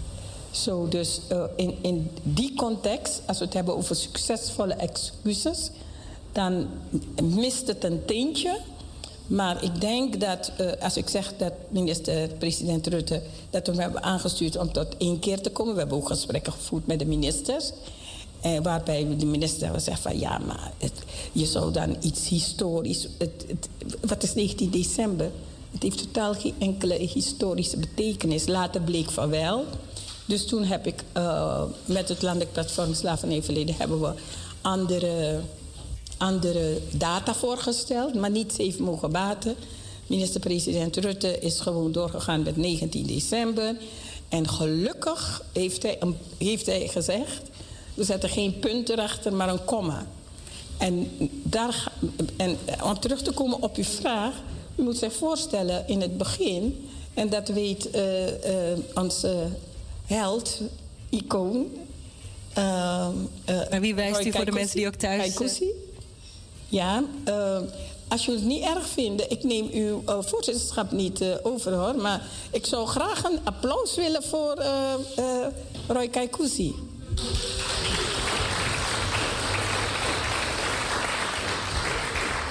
Echt wel. Toen hij hoorde over de verrichtingen van Sophie Dela in de tachtiger jaren, was hij de eerste die een brief stuurde om ons geluk te wensen.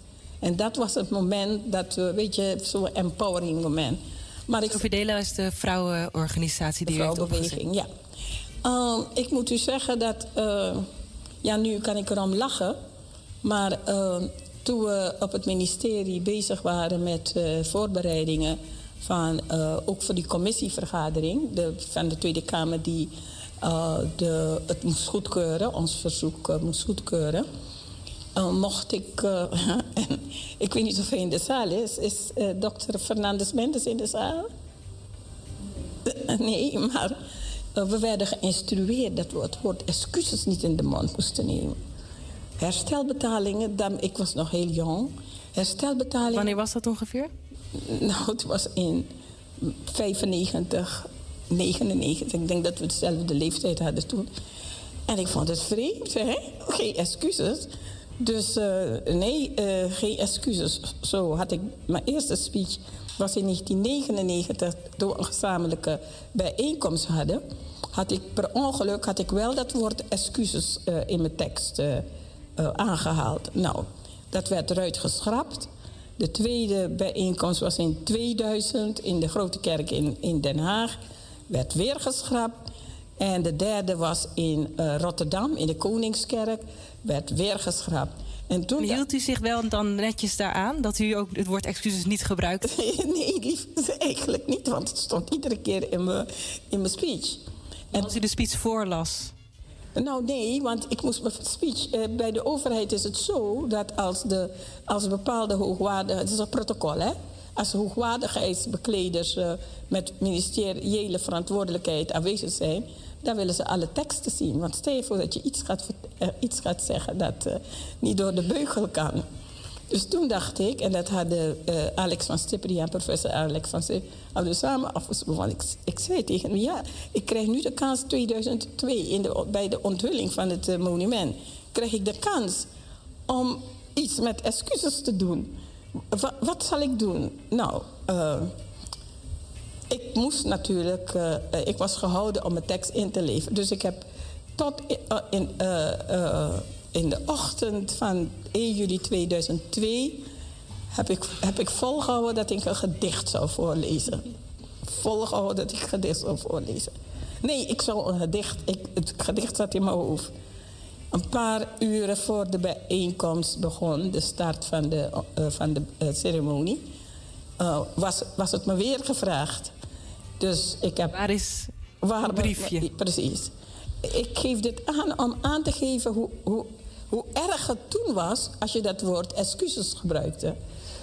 Hoe werd erop gereageerd toen u wel dat woord excuses gebruikte? Nou, ik had nog niet eens dat woord excuses gebruik, uh, gebruikt. Maar uh, iedereen was blij toen ik naar de, naar de uh, wat is het, de katheder liep. En ik had niks in mijn hand. Dus ze dachten van, oh, dat komt goed. Ze gaat een gedicht voorlezen. Toen ging ik in mijn borst. En haalde ik een papier uit. En ik zag uh, minister-president Kok kijken. Hoe kan dat? Commissaris van de Koningin. Iedereen was in paniek. Van Bokstel. Oh nee, dat heb ik niet geweten. En, en de koningin zat rustig. En uh, ik heb toen mijn tijd uh, echt genomen om ook tot de koning te spreken. Want je mag niet rechtstreeks tot de koning spreken. Maar ik wilde de, koning in de koningin in herinnering brengen... Wat, uh, uh, dat het koningshuis wel degelijk ook verantwoordelijk is voor, was voor het slavernijverleden. Dus uh, ik en ik zag Norelli Beyer was er toen. En die dacht van, hé, hey, dat kan niet. Nee, dat kan niet. Dat kan helemaal niet. Dus ik nam een briefje en ik las voor. En iedereen, ik zag ze kijken, volgens mij ze niet eens geweten wat ik heb, wat ik heb gezegd. En ze keken en, na, en ik wist dat, dat, dat iedereen met boosheid was geslagen. Dus ik stond op en uh, nee, ik, ik, ik, liep. En ik liep en ik liep en ik liep. Ik zag die verbeten ogen. En toen knikte de koningin van me. en toen dacht ik, halleluja. En vanaf dat moment was ik niet meer bang om over excuses te praten. En ik was ook niet meer bang om voor, over herstelbetalingen te praten. Maar wat ik wel weet is dat de, de secretaris-generaal me de volgende dag ontbood bij, uh, op het ministerie. En ik, ik ben natuurlijk niet gegaan. En dat hij gezegd heeft, eens en nooit weer. En dat merk je ook, want op 1 juli heb ik nooit meer mogen praten. Uh, uh, dat weten de mensen. Dus wat dat betreft zie je dat de, de tijden toch zijn veranderd. Uh, en dat we nu gewoon iedereen praat over na de komma en excuses, et, et cetera. Dus ik ben niet ontevreden. Nee. Ja. Nou, dank u wel ook voor dat, uh, voor dat harde werk. Uh, harde en tactische werk. Um, en nog één onderwerp wilde ik graag met u snel bespreken. Uh, de CARICOM. Uh, de gemeenschap, de Caribische gemeenschap. die heeft ehm, punten, ehm, een tien puntenplan opgesteld. als het gaat om wat er dan na een komma zou moeten komen. Um, hoe kijkt u naar die, naar die punten? Ik was er zelf bij. nou, even de context. We hebben natuurlijk de Durban Declaration en Program of Action. En in de Durban Declaration en Program of Action is de basis gelegd dat landen die slavernij hebben bedreven excuses aanbieden en iets doen met, uh, met herstel. En wanneer we het hebben over herstel, reparations, reparatory justice, hebben we het niet over geld alleen. We hebben het over non-repetitions bijvoorbeeld, over. Maar anyway, um, um, wat heel belangrijk is in het hele verhaal, is dat uh, we een, een, commissie, een college hebben gehad onder leiding van, uh, ik dacht, uh, mevrouw Dagmar Oudshoorn. Die heeft exact gedaan wat de overheid heeft gevraagd. Ga na voor ons, ga dialoog realiseren en ga, ga, ga kijken hoe de mensen tegenover excuses in de wet aankijken. Want het was Nicolai van uh, de Eerste Kamer. Die had uh, een breed gedragen motie. Had hij aangeboden aan de minister van, van Binnenlandse Zaken. En de minister van Binnenlandse Zaken had met het oog daarop gezegd: Oké, we houden die motie even aan. En we gaan kijken naar we gaan eerst in de samenleving gaan we kijken hoe de, hoe de mensen over denken. En ze heeft een mooi rapport heeft ze uitgebracht. En direct na dat rapport uh, zijn natuurlijk een aantal dingen overgenomen. Uh, die 200 miljoen is bijvoorbeeld, weet ik, natte vingerwerk geweest. Want ik heb, ik heb hier en daar gevraagd, ik heb zelf een brief geschreven naar de overheid. Hoe komen jullie tot 200 miljoen? Wat is dat bedrag eigenlijk? Nou blijkt inderdaad niet reparations te zijn, niet herstelbetalingen. Uh, heeft iets te maken met uh, awareness.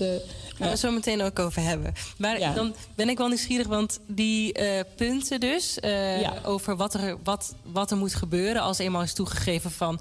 Uh, waren ook verantwoordelijk voor het slavernijverleden... en we hebben daar schuld aan... dan zijn er verschillende punten zoals een schuld, debt, debt cancellation... dus de, het kwijtschelden van, van schulden bijvoorbeeld. Ja, een African Knowledge Program zie ik. U heeft meegeschreven. Heeft u meegeschreven? Ja, ja, ja. Meegeschreven aan deze. Maar is hier ook, uh, wordt hier eigenlijk ook op gereageerd door, de, door, door het Westen? Uh, nou, ik, ik, vertelde over de Durban-declaratie dat daar de basis is gelegd. Er zijn natuurlijk meer momenten hierna geweest, bijvoorbeeld onlangs in Accra uh, met de African Union en, Carib en, en, de, en de Civil Society. Maar deze punten die in 2013 zijn opgesteld, zijn eigenlijk punten vanuit de soevereine staten. Uh, en wat ze, waar, waarmee ze nu bezig zijn, is om het inclusief te maken. Dat wil zeggen, uh, de, de meer uh, de, de, de voices of de, of de nazaten van de tot slaaf gemaakte uh, op, op wereld, globally, ook in, vanuit Nederland, Engeland, Frankrijk, om ze te betrekken, om deze punten te, eh, te, te actualiseren. En in 2016 heeft CARICOM, had CARICOM al een brief geschreven naar minister-president Rutte over deze punten om in gesprek te gaan uh, met. Uh, en toen heeft uh, minister-president Rutte een brief teruggeschreven. Ja, we zijn er bezig met Zwarte Piet, we zijn bezig met VN, die zijn hier voor mensen van Afrikaanse afkomst.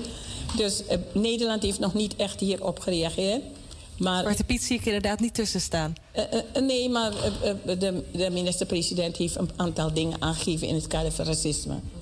Uh, en nu is, in welk stadium zitten we nu? We zitten nu in het stadium dat uh, de CARICOM-landen aan het, aan het, zich aan het voorbereiden zijn om een tweede fase, dat wil zeggen briefwisseling en om te komen tot dialoog met die verschillende landen.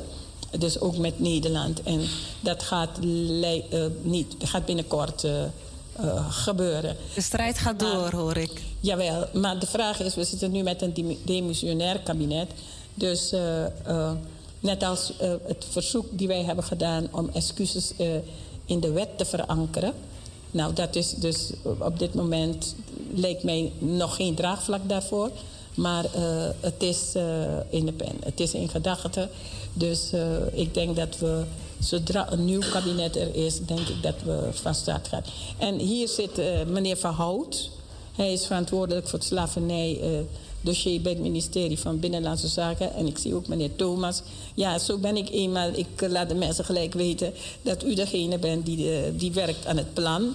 Zo, we hebben daar een tienpuntenplan. Ik begrijp dat Nederland ook gaat komen met een tienpuntenplan.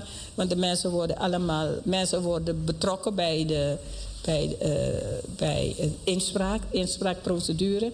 Dus ik hoop dat wanneer het tienpuntenplan van Nederland klaar is, dat we ook uh, echt heel duidelijk kunnen spreken over een proces dat te maken heeft met reparatory justice. Repatriation, restitution, restoration, reparations en non-repetitions. Oké, okay, dank u wel. En nogmaals een hartelijk applaus voor mevrouw Beryl Biekman.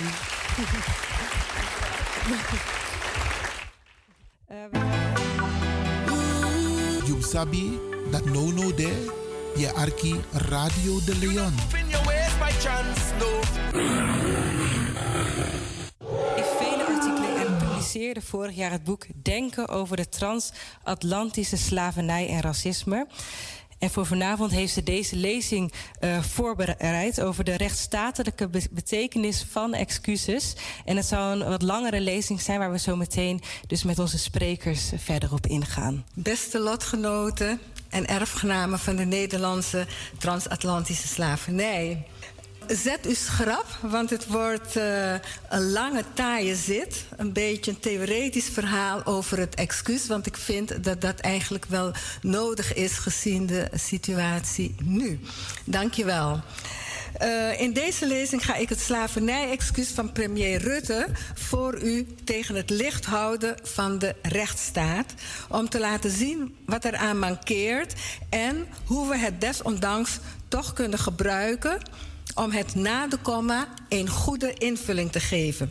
Er is immers het afgelopen jaar niet genoeg gebeurd en we moeten ervoor zorgen niet opnieuw aan het kortste eind te trekken. Nu de rechtsextremistische Geert Wilders misschien onze nieuwe premier wordt. U weet dat hij de excuses maar niets vindt en dat hij twitterde: Ik bied excuus aan voor de excuses van premier Rutte. We kunnen misschien zelfs een nieuwe backlash verwachten. De eerste backlash begon in 2000 in de periode dat de overheid bezig was onze eisen om een slavernijmonument, een nationale herdenking en een eigen kennisinstituut, het NINSE, in te willigen. De aanzet tot die eerste backlash werd gegeven door Paul Scheffer. Ja, ik ga een beetje in op de geschiedenis ook. Ik ben historica. Met zijn artikel Het multiculturele drama door professor Piet Emmer met zijn geschiedenisboek De Nederlandse slavenhandel, waarin hij de slavernij en racisme bagatelliseerde. Door politici als Frits Bolkestein van de VVD en Pim Fortuyn, die niets moesten hebben van de migranten. En door de overheid die zichzelf ook schuldig maakte aan racisme. Tweevoudig ex-minister Plasterk speelde ook een rol in die backlash. Als minister had hij in 2007 tijdens de slavernijherdenking in het Oosterpark ten overstaan van meer dan duizend mensen het NINSE bestaanszekerheid gegarandeerd en gezegd dat het NINSE verzekerd kon zijn van een jaarlijkse rijkssubsidie. Maar toen premier Rutte die subsidie vijf jaar later in 2012 ophief en het NINSE naar de rechter stapte om dit ongedaan te laten maken, wilde hij niet als getuige optreden. En de rechter oordeelde dat Plasterks garantie geen eeuwigheidswaarde had. En nu deze ex-minister weer op het politieke toneel is verschenen als verkenner en informateur voor de rechtsextremistische Wilders, denk ik niet dat de invulling van het na de komma veel zal voorstellen als wij niet ingrijpen. Vooral niet nu de oorlogen en de vluchtelingenproblematiek de gemoederen flink bezighouden en ook terecht. Hè? Maar we hoeven ons niet opzij te laten schuiven. We kunnen ook niet op onze lauweren gaan rusten, hoe zichtbaar we ook zijn geworden sinds de moord op George Floyd en de Black Lives Matter beweging. Toen ik een paar weken geleden de presentatie van het boek Buntomo van Marjolein van Pagé hier in de Bali bijwoonde, zei een journalist van de VPRO na afloop herhaaldelijk tegen een van de gastsprekers en mij dat het excuus een hele grote stap was geweest en dat wij dit niet leken te beseffen, nog te waarderen.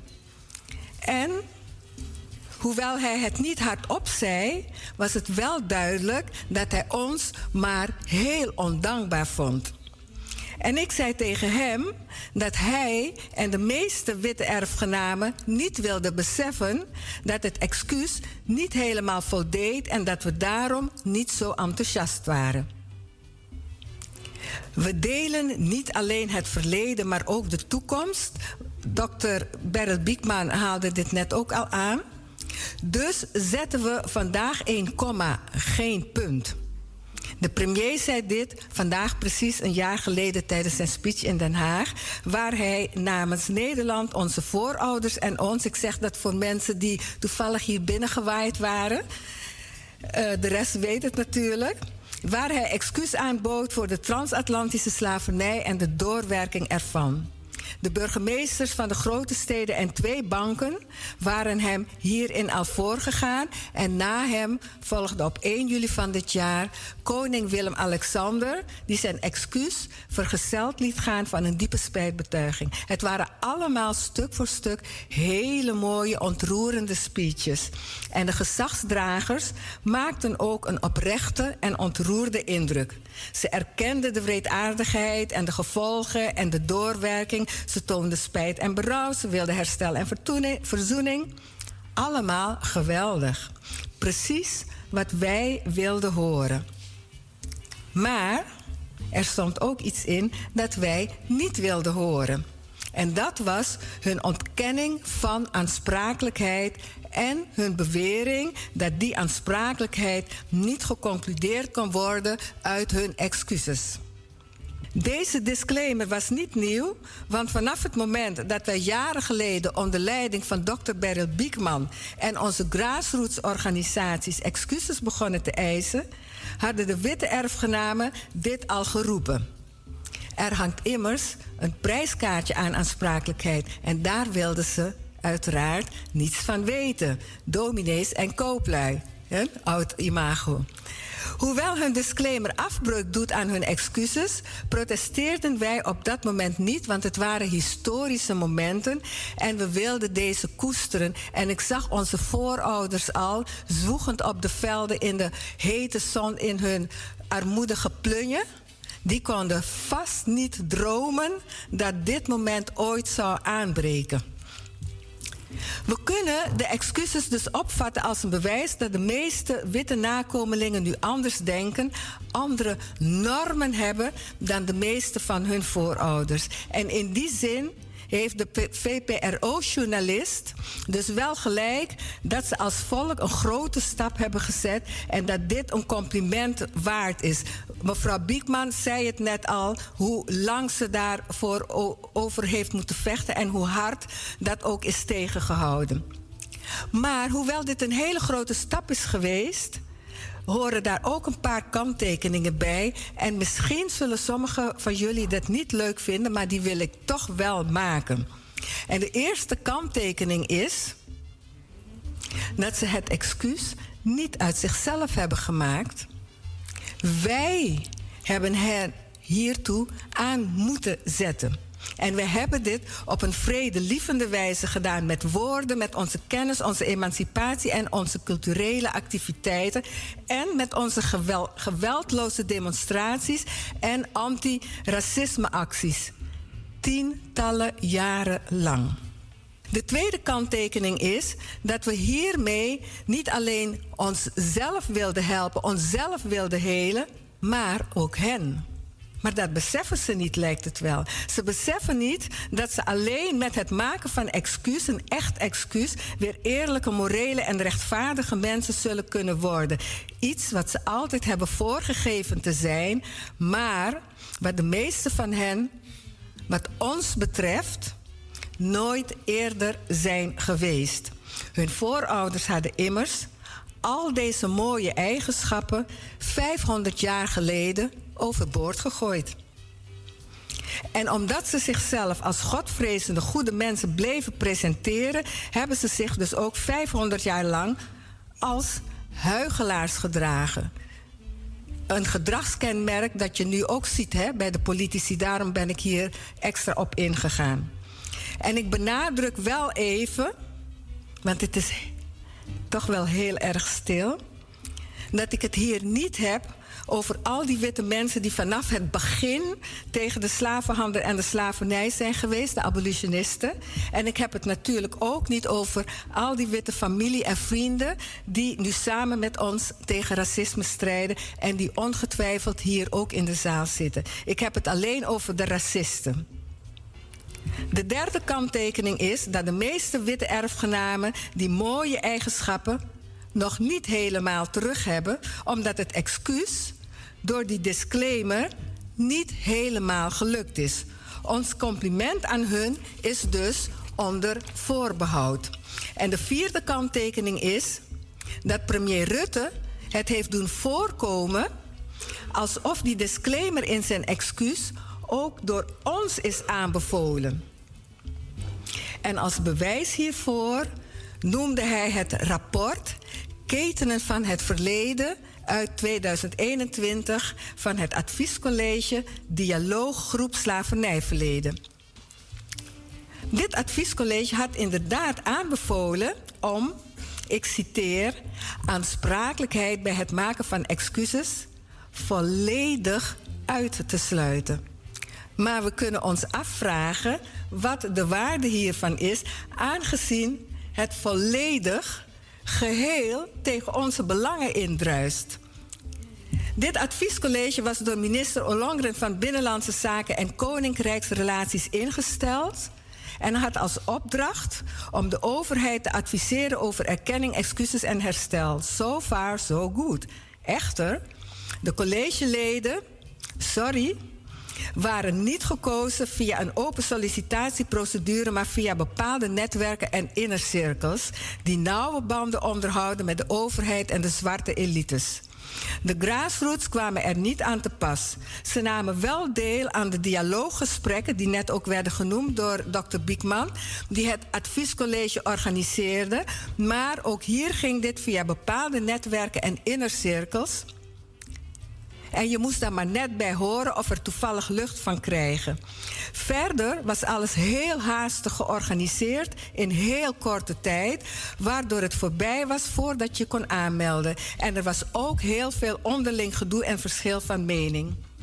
En als klap op de vuurpijl werd het uiteindelijke rapport niet door het adviescollege geschreven, maar door een witte organisatie, het Asser Instituut, een internationaal instituut op het gebied van internationale en Europese wetgeving. Vanwege onze jarenlange eisen en deze opmerkelijke gang van zaken kunnen wij stellen, stel ik in ieder geval, dat de aanbeveling van dit adviescollege meer iets was wat de overheid wilde dan wat wij wilden. En ik vind dan ook dat dit adviescollege, voor zover het deze aanbeveling betreft, heeft meegeholpen onze belangen te verkwanselen. En ik vind dat premier Rutte het niet kan gebruiken als legitimatie voor de disclaimer in zijn excuus. Er zijn nog meer redenen om die disclaimer in het excuus te verwerpen. Dus ik hoop dat u het nog volhoudt. En die liggen in de aard en de betekenis van het excuus. Het excuus bestaat uit twee componenten waaraan moet worden voldaan voordat het waarde heeft en voordat het kan worden geaccepteerd door het slachtoffer. Deze twee componenten zijn onderling verbonden. De eerste bestaat uit woorden. En deze woorden vormen een symbolische afsluiting van iets akeligs. En die afsluiting houdt vervolgens de belofte in dat het akelige niet meer zal voorkomen en dat het voortaan beter zal gaan. De tweede component van het excuus vloeit hieruit voort. En het bestaat niet uit woorden, maar uit een daad of daden. Waaruit moet blijken dat het ook beter zal worden. De aanbieder zal na het uitspreken van zijn excuus dus tot daden over moeten gaan die ervoor zorgen dat het beter wordt. U ziet, aansprakelijkheid zit ingebakken in het excuus. Het is er een intrinsiek deel van. En je kunt het dus niet zomaar weglaten zonder het excuus te verminken. Maar dat is niet alles. Die daad, of, die daad of daden van verbetering moeten ook zijn zoals het slachtoffer het zich voorstelt. Dus niet zoals de aanbieder die wil invullen. Als er geen daad volgt, of als die daad niet in overeenstemming is met wat het slachtoffer wil, dan zal het excuus ook in die zin weinig waarde hebben en het zal ook dubbelhartig zijn. Die dubbelhartigheid zit ook in de manier waarop de premier het na de komma wil invullen. Aan de ene kant gebruikte hij dit om zijn disclaimer te verzachten, terwijl hij aan de andere kant liet weten dat we niet veel hoefden te verwachten van de invulling ervan.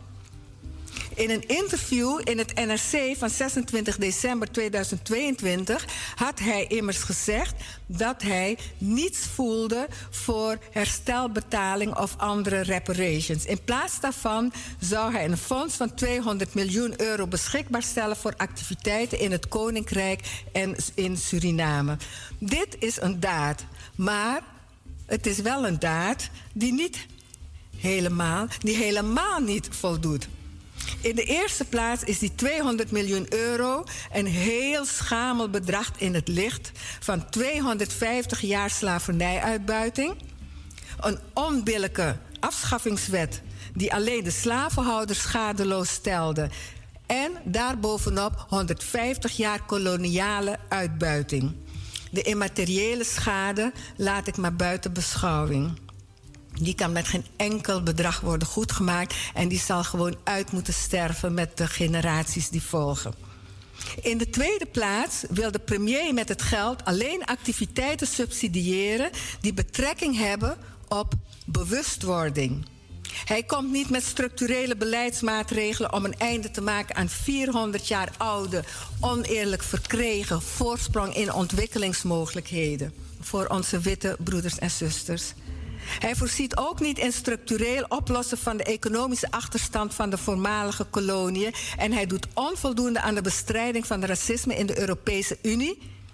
In een EU-rapport dat dit jaar is verschenen, kunnen we lezen dat één op de twee mensen van Afrikaanse afkomst op dit continent dagelijks met racisme heeft te maken. En hij stelt het racisme van de kandidaatlidstaten ook niet aan de orde, of onvoldoende in ieder geval, bij de besprekingen over hun toetreding tot de EU. En wat die bewustwordingsactiviteiten betreft, die zullen vooral gericht zijn op onze witte erfgenamen, want wij zijn ons toch al bewust van de situatie. Of niet? Is iemand hier niet bewust? Een zwarte persoon hier? Nee, toch? Ik zie hier bij dit bewustwordingsactiviteiten, bij deze bewustwordingsactiviteiten voorzie ik ook problemen.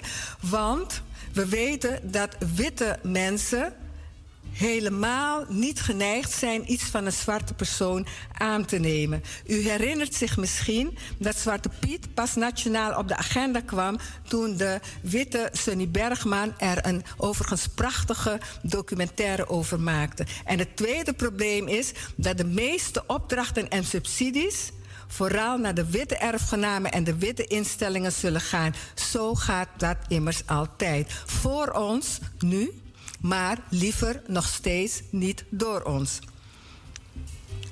Maar ondanks het feit dat het excuus niet voldoet vanwege die disclaimer en die ontoereikende daad, kunnen we het toch gebruiken om een rechtvaardige invulling van het na de komma af te dwingen.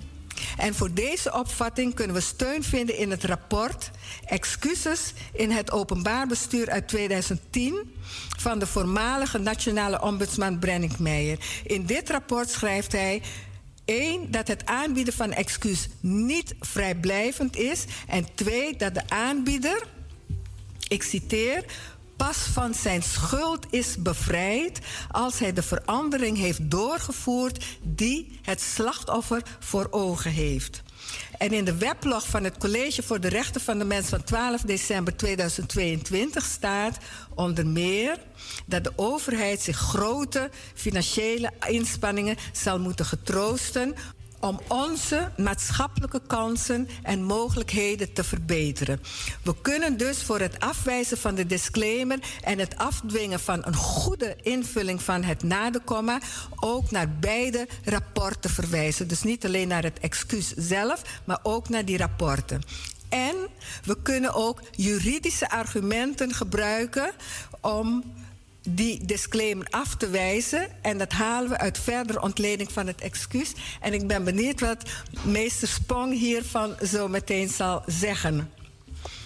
Volgens de rechtsfilosoof professor Wouter Veraard van de Vrije Universiteit kan het uitsluiten van juridische aansprakelijkheid bij het maken van excuses leiden tot een gevoel van rechtsontkenning bij de gedupeerden.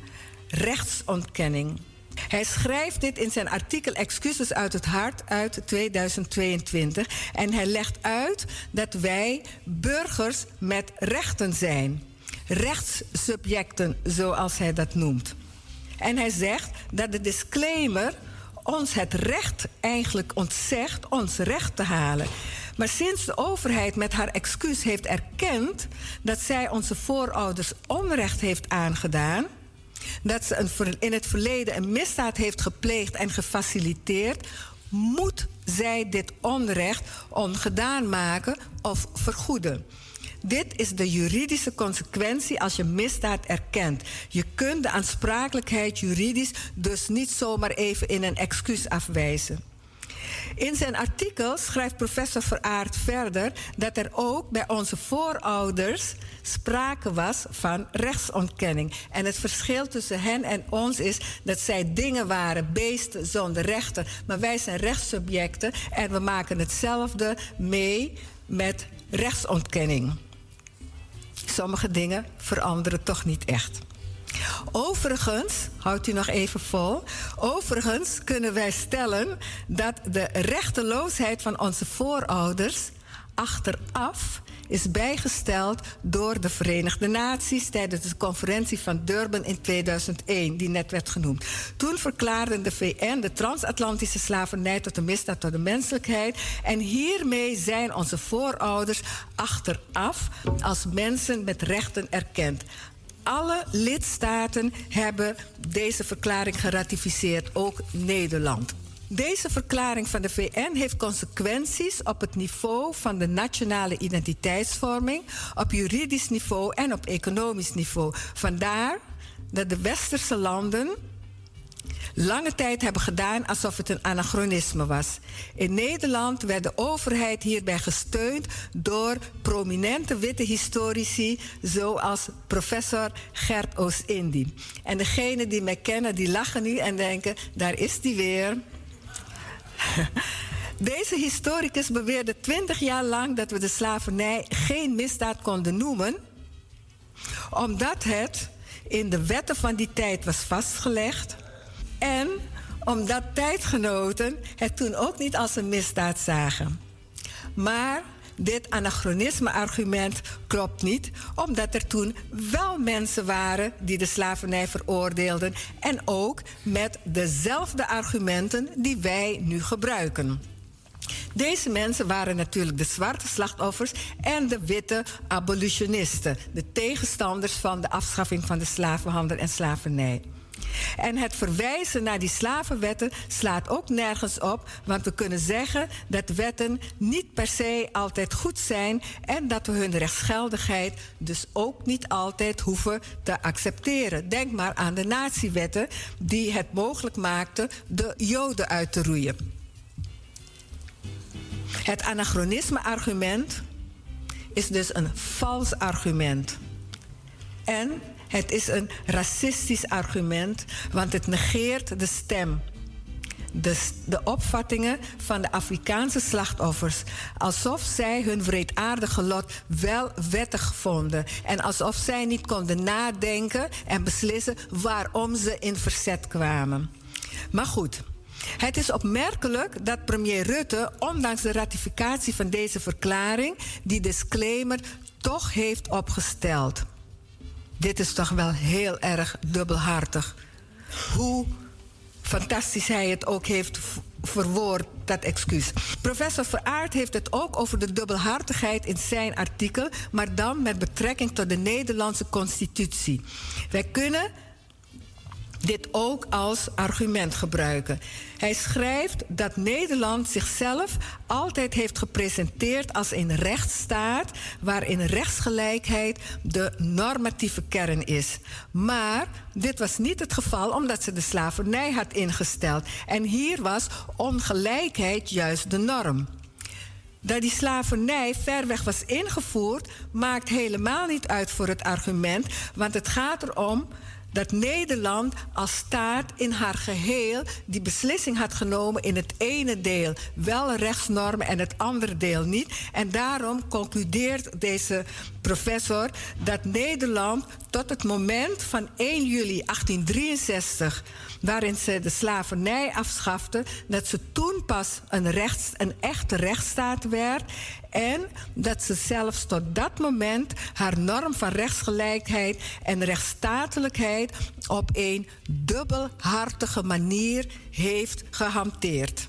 Die dubbelhartigheid en het gebrek aan rechtsstatelijkheid blijken niet alleen uit het instellen van de slavernij en het, en het huidige excuus, maar ook uit andere discriminerende overheidsmaatregelen die, net als de slavernij, nu ook in wet en regelgeving zijn gegoten. Vanwege tijdsgebrek noem ik hier slechts het discrimineren van onze AOW'ers uit de voormalige koloniën.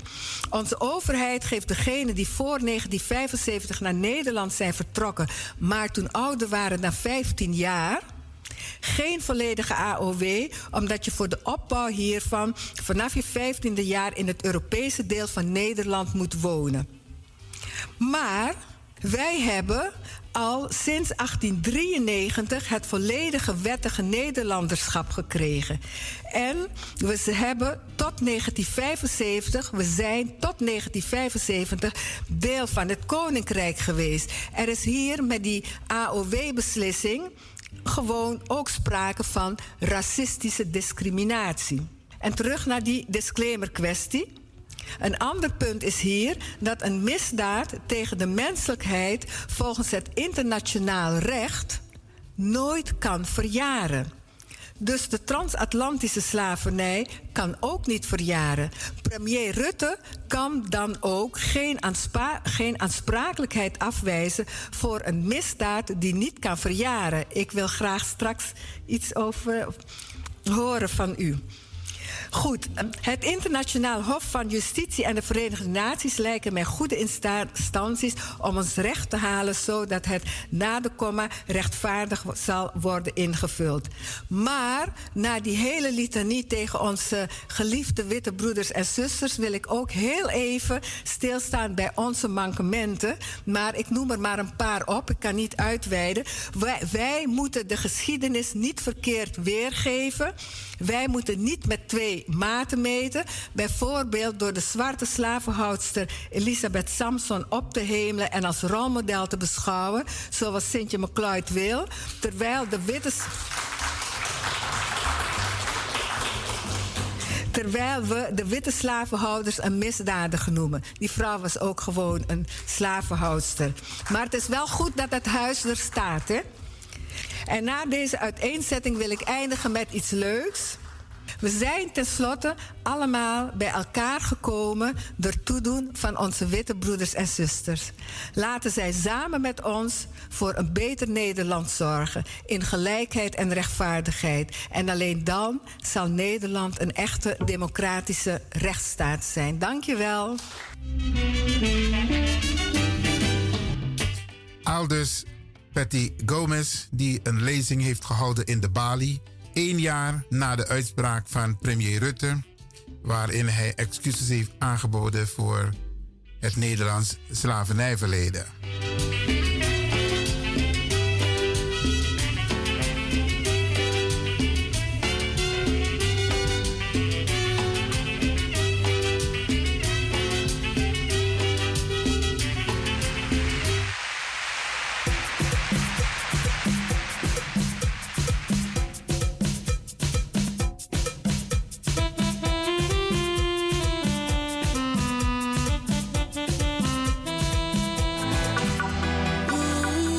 Sabi that no no there, je arki Radio de Leon.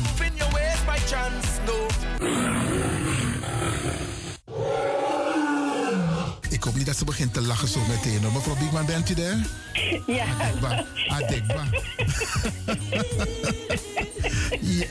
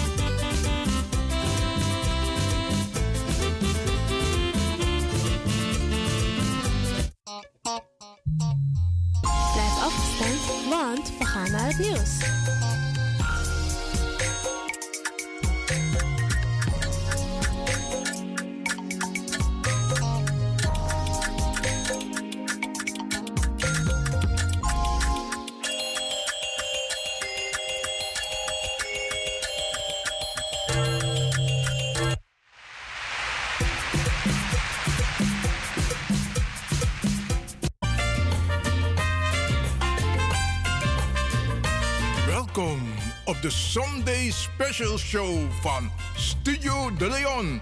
Vol spanning, humor en wetenswaardigheden. De Sunday Special Show.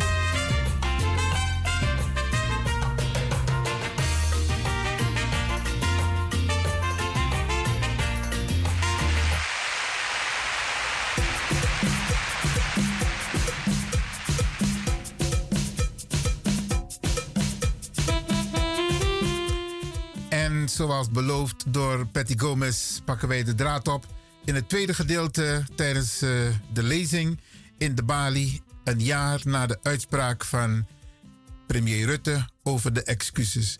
En nu komen een aantal panelleden aan het woord. Blijf luisteren. Dit is Radio de Leon.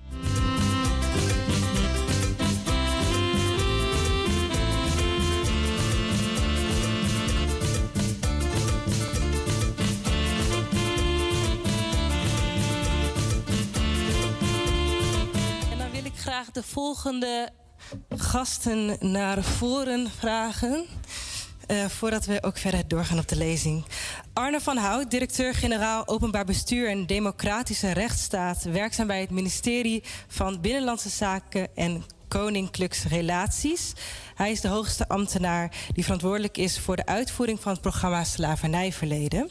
Uh, Gerard Spong, een van de meest gerenommeerde strafrechtadvocaten van Nederland. Momenteel onderzoekt hij of de Nederlandse staat een schadevergoeding moet betalen aan de nazaten van tot slaafgemaakten. Glenn Gottfried is oprichter en presentator van populaire radiozender Radio Mart.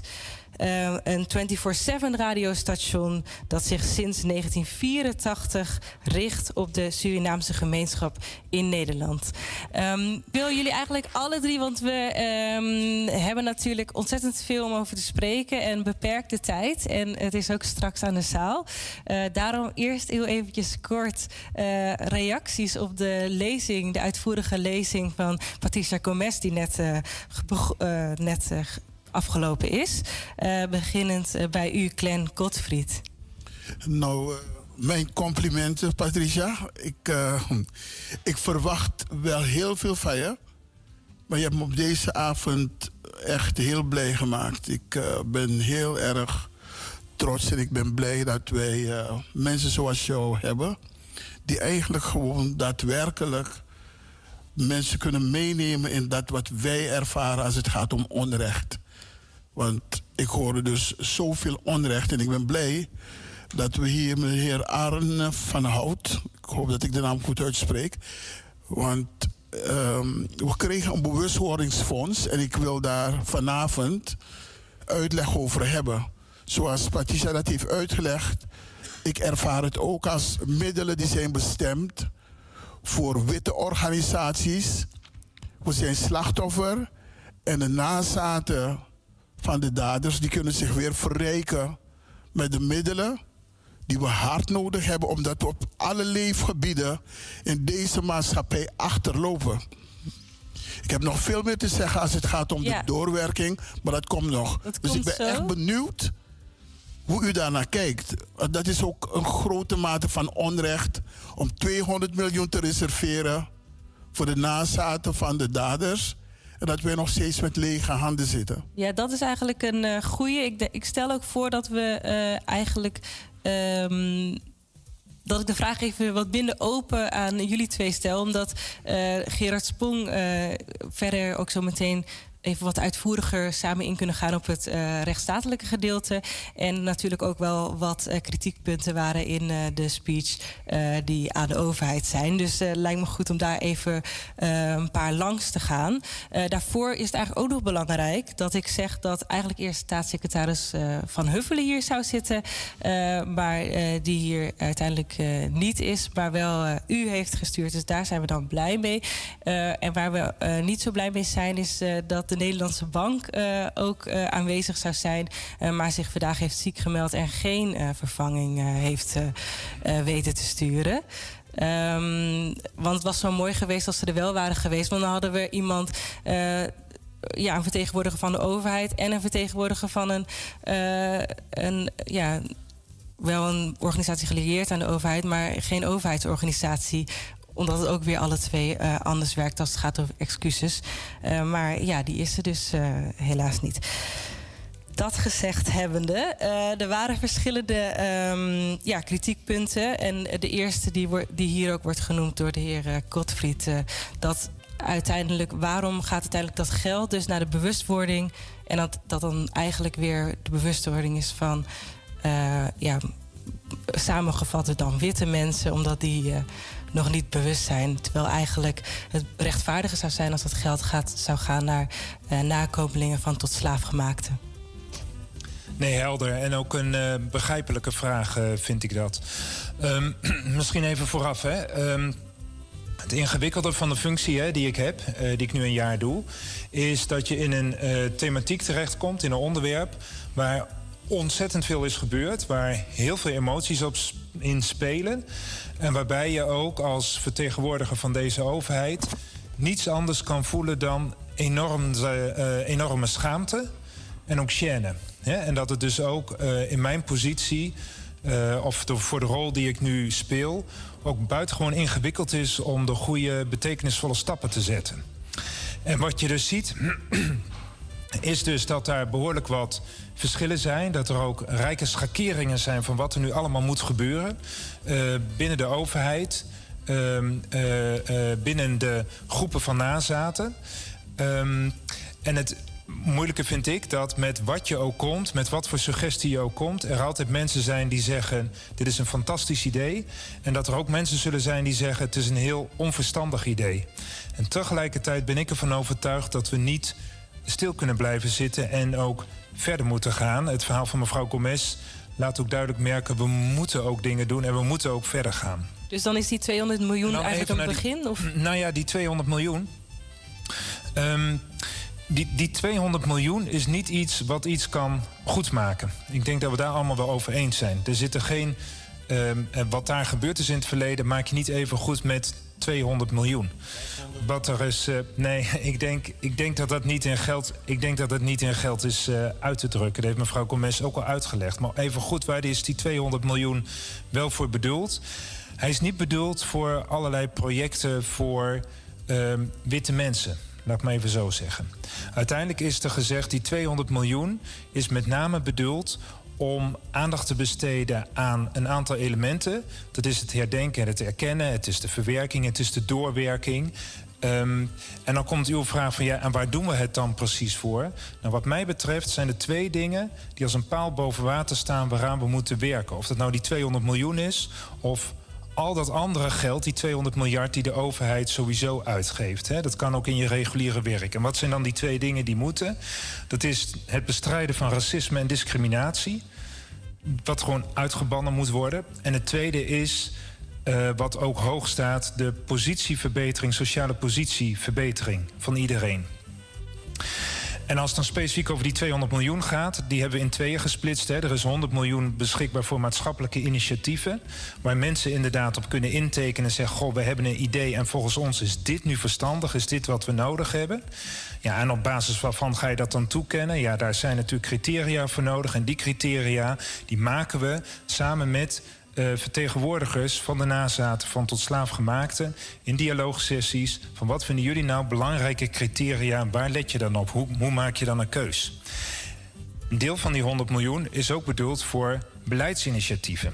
En natuurlijk zijn die afgestemd met allerlei mensen en ook met mensen en ook met nazaten. En dat is natuurlijk altijd weer onvoldoende, want het is niet met iedereen afgestemd. Hè. Dus hoe doe je dat dan uh, precies goed? Um, ik denk dat die 200 miljoen een aanzet is voor maatregelen om de goede dingen te kunnen doen. Maar wat ik nog veel belangrijker vind, en hoe ga je vervolgens je hele werk als overheid ook doen, helemaal los van die 200 miljoen. Eén klein voorbeeldje, want het is een lang antwoord, dat snap ik. Het ministerie van OCMW die zegt we moeten wat met dit onderwijscurriculum doen. Dat hoeft niet uit de 200 miljoen, dat is gewoon je werk. Als jij iets met achternaamverandering moet doen, hè, gratis achternaam wijzigen, omdat mensen dat belangrijk vinden. Ja, achternamen, dat is je werk. En de maatschappelijke omstandigheden maakt dat dit nu de inhoud van je werk is. Dus het hoeft niet allemaal uit die 200 miljoen. Uh, Patricia hoe luister je naar die reactie? Als, het, als je begint met praten, dan gaat hij als het goed is aan. Gaat het vanzelf? Ja. Oh ja. Ja, eh, ik wilde daar even toch over zeggen, want u trekt het steeds in het algemene. Hè? Dat uh, valt er dan. Onze verbetering wordt dan tot stand gebracht met algemeen beleid. Maar het punt is dat wij een 400 jaar oude achterstandssituatie hebben, waar alleen maar enkele uh, bovenuit kunnen komen, maar het gros van de mensen niet. Er zijn dus extra maatregelen nodig en niet alleen algemene maatregelen. Um, ik, ik wil toch een kleine aanvulling, omdat ik, ehm, ik werk met name in een, ehm, een gebied met een, ehm, zeg maar, waarvan ik nu overtuigd ben dat als het gaat om onze mensen, dat als we kijken naar dat wat er is geweest, eeuwenlang aan ontmenselijking, tot de dag van vandaag, want dat ervaren we. Het moment dat hier in dit land een wilder zegt van we trekken die excuses terug, heeft dat ook in mijn beleving te maken met die ontmenselijking die we dus eeuwenlang hebben moeten ondergaan en dat weer mogen ervaren. Want dat zou, als het ging om de Holocaust, zou dat niet gebezigd worden. Niemand haalt het in zijn hoofd. Dat betekent nog steeds dat we niet worden gezien als volwaardig. En als het gaat om de minachting die ons ten deel valt telkens weer, dat bemerk ik ook in de manier waarop wij zelf met elkaar omgaan. De nazaten van de tot slaaf gemaakte. Ik zeg dat bewust omdat ik hoop dat u als degene die verantwoordelijk is, als het gaat om de diepgang ten aanzien van datgene wat wij nog steeds met ons meedragen, als het gaat om de dehumanisatie die er heeft plaatsgevonden, zou ik met u en sommigen aan tafel willen zitten om dat in elk geval te illustreren. Omdat ik nog steeds overtuigd ben dat de mensen die hier in dit land het voor het zeggen hebben, nog steeds niet weten wat voor schade er is aangericht. En we zijn nog niet eens begonnen met restauratie of reparatie of wat dan ook. We staan nog niet eens aan het begin daarvan. Hoe kan het zo zijn dat we excuses moeten aanhoren en mensen willen niet eens praten over herstel? Wat is er aan de hand? Worden we nog steeds ontmenselijk? Wat is er aan de hand? Ik, ik stel het op deze manier even vast. Even. U uh, kaart terecht, uh, denk ik, ook de uh, verkiezingen aan. De dag na de verkiezingen hadden wij een bijeenkomst in het ministerie met diverse collega's. Een andere directie van mij die doet constitutionele zaken, de grondwet en de grondrechten.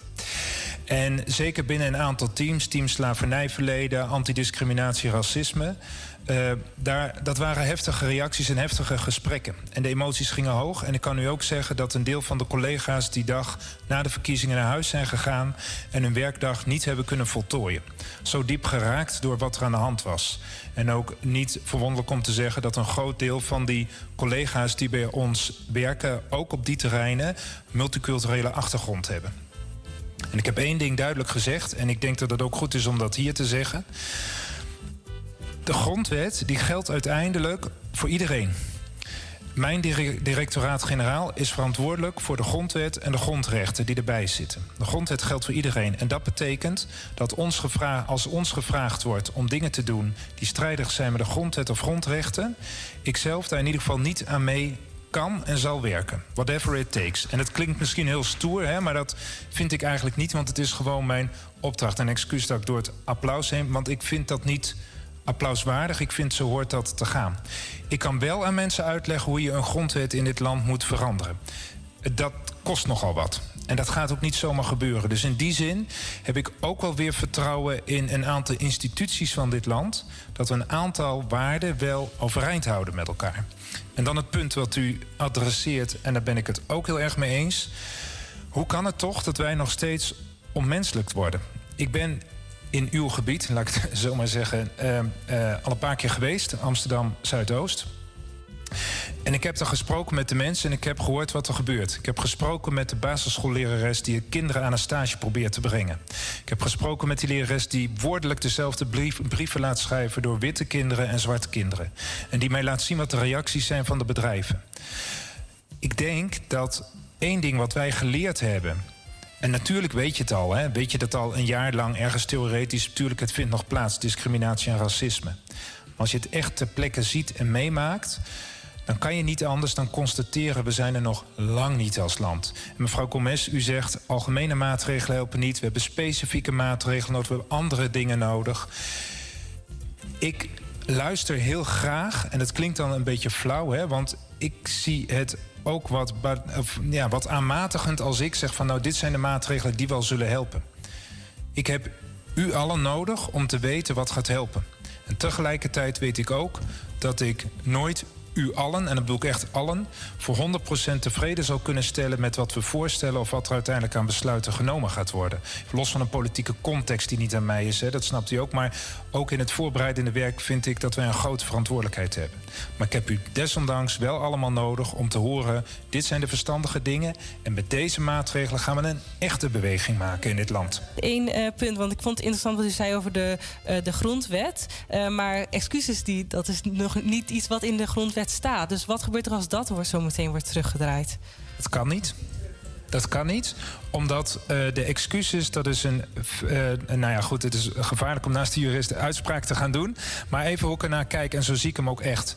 Er, is een feit, er heeft een feitelijke handeling plaatsgevonden, namelijk er zijn excuses uitgesproken. Die feitelijke handeling die wordt niet teruggetrokken. De koning heeft die ook nog bevestigd, dat wordt niet teruggetrokken. Dus dat staat. Want in mijn beleving kan dat niet. Wetten kan je intrekken, gesproken woorden zijn gesproken en kan je niet intrekken. 200 miljoen? 200 miljoen uh, euro. Um, ja, dit is natuurlijk wel een uh, gevaarlijke. Hè? Die je zegt van, goh, maar hoe werkt dat nou precies? Uh, wat wij in de overdracht naar het nieuwe kabinet ook aangeven... is die 200 miljoen euro is op deze manier tot stand gekomen. Die is al overal gecommuniceerd. Die staat al in de begroting, namelijk. Hè, dus daarmee is die ook... een begroting is een wet, bij wet vastgelegd. En daar zijn al uh, ja, in ieder geval ten dele verplichtingen voor aangaan. Niet letterlijk, hè, omdat we nog met z'n allen dus precieze invulling aangeven. Dus dat is wel iets wat wij aangeven. Daar valt eigenlijk niet meer aan te komen. Als u zegt, er komt een regering en die gaat ervoor kiezen... het interesseert ons niet en we gaan gewoon van alles weghalen... theoretisch kan er heel veel. Maar ik zeg hier, uh, het is dusdanig vastgelegd... dat dat niet zomaar weg te halen is. Oké. Uh, nou, gaan we zo ook nog eventjes verder. Uh, en dan wat meer oplossingsgericht. Denk ik ook van, uh, van jullie wil ik dan horen ook wat maatregelingen zijn waar jullie dan blij mee zouden zijn. maar eerst heel eventjes naar het rechtsstatelijke gedeelte. Gerard Sprong, eigenlijk eerst gewoon de open vraag. Hoe heeft u geluisterd naar de lezing van Patricia Gomez? Het was een zeer interessante lezing met erg veel aanknopingspunten. Ik ben het met een hele hoop dingen eens met haar. Zeker als het heeft over de dubbelhartigheid. Zelf prefereer ik de term huigelachtigheid. Maar eh, we moeten goed realiseren. En, nee, we moeten ons goed realiseren. De, de als we het hebben over excuses die gemaakt zijn. Mevrouw Biekman heeft het gezegd. Iedereen die heeft het maar over excuses. We worden genaaid met die excuses. En ik zal u zeggen waarom. Uh, die, de, er is al even de term gevallen, de, Bur, de Durham-verklaring. Maar wat er ook is, en dat schijnen weinig mensen te weten, is dat er uh, in de periode van 5, uh, van, nee, van 7 september vorig jaar tot en met 12 oktober vorig jaar. Dus we hebben het over een hele korte tijdsperiode.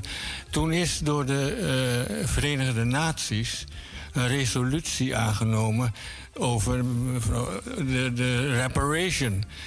Justice reparation. En ook nog andere zaken. En die resolutie is door alle Afrikaanse landen. Uh, die hebben daarvoor gestemd. Maar wat blijkt nu? Nederland heeft tegengestemd. Dus aan de ene kant hebben we hier Rutte en koning Willem-Alexander... die over excuses en intense beleving en huilie-huilie doen enzovoorts. Uh, maar aan de andere kant hebben ze, stemmen ze tegen uh, die resolutie in de VN. En het is een gloednieuwe resolutie, nog een paar maanden oud. En dan vraag ik mij af, als ik dat zo zie... En ik moet constateren dat het stemgedrag in de VN niet overeenstemt met, uh, onverenigbaar is met die excuses die hier een beetje mooi gemaakt worden, dan denk ik, wie belazeren jullie eigenlijk? En uh, bij koning Willem-Alexander twijfel ik een beetje. Ik zal u ook zeggen waarom. Kijk, dat Rutte als regeringsleider samen met de minister van Buitenlandse Zaken uh, precies weet wat er in de VN gezegd moet worden en hoe er gestemd moet worden. Dat is duidelijk. Ik weet alleen niet, en ik heb het eh, idee dat Willem-Alexander, dat is toch ook niet zo'n studiebol, dat die waarschijnlijk niet heeft geweten dat die resolutie er is en dat tegen die resolutie is gestemd. Dus waar Willem-Alexander het heeft over uh, excuses en intense beleving enzovoort enzovoort, uh, zou ik zeggen, give him the benefit of the doubt. Maar Rutte durft voor geen meter. Want die is mede verantwoordelijk voor de tegenstem in de VN. En daarom zeg ik van dat moet opgehelderd worden. Uh, ik ben het verder wel eens met, uh, oh ja, met, de, met de kwestie van die internationale misdrijven. Dat die niet verjaren. Dat is op zich wel zo. Het probleem alleen is dat de verdragen en de wetten die zien. We hebben de wet in de, de, WIM, Wet Internationale Misdrijven. Dat zijn allemaal wetten en verdragen die zijn gemaakt na de afschouw, na de slavernij. En die hebben dus geen terugwerkende kracht. Want de terugwerkende kracht is bij verdrag, meer, meer verdragen, verboden. Onder andere het internationale politieke verdrag in zaken de mensenrechten. Die verbiedt uitdrukkelijk in artikel 15, als ik het goed heb, de terugwerkende kracht van die wetten en verdragen. Dus dat wordt een probleem. Uh, dat neemt niet weg dat als we het hebben over verjaring, dat er best wel juridische mogelijkheden zouden kunnen zijn om, die, om het beroep op verjaring uh, teniet te doen. We hebben dat gezien bij de Indonesische slachtoffers van Rawa, nog wat. En die, die, die, vrouwen die hebben schadevergoeding gekregen. En met passering van het, de staat, die beriep zich op verjaring. En de Haagse rechtbank heeft dat afgewezen. Dat neemt allemaal niet weg dat we toch wel zitten met een moeilijk probleem. Omdat er wat betreft de politieke verhoudingen in, in Europa, in de hele wereld, zijn er nou eenmaal oorlogen en andere dingen gevoerd die lang geleden hebben plaatsgehad en waar eh, geen schadevergoeding is toegekend. Terwijl het uh, evident steeds misdrijven tegen de menselijkheid waren. Neem nou bijvoorbeeld de 80-jarige oorlog. Spanje betaalt geen rode cent aan Nederland. En, en, in Vietnam, dat is nog korter geleden. Vietnam uh, krijgt geen rode cent van Amerika terwijl het plat gebombardeerd is. En dus, er is ergens, is er in de geschiedenis, ook al gaat het om misdrijven tegen de menselijkheid, kennelijk een soort uh, vage grens van hier trekken we de lijn. En waar die nou precies ligt, dat weet ik niet. Dat ben ik bezig te bestuderen samen met een aantal mensen. Het is wel zo dat dat, dat, dat een probleem is. Wat ook een probleem is bij de aansprakelijkheid van uh, die vastgeknoopt kunnen worden aan excuses, ben ik helemaal mee eens. Als je excuses maakt, erken je eigenlijk impliciet aansprakelijk te zijn voor datgene waarvoor je excuses maakt.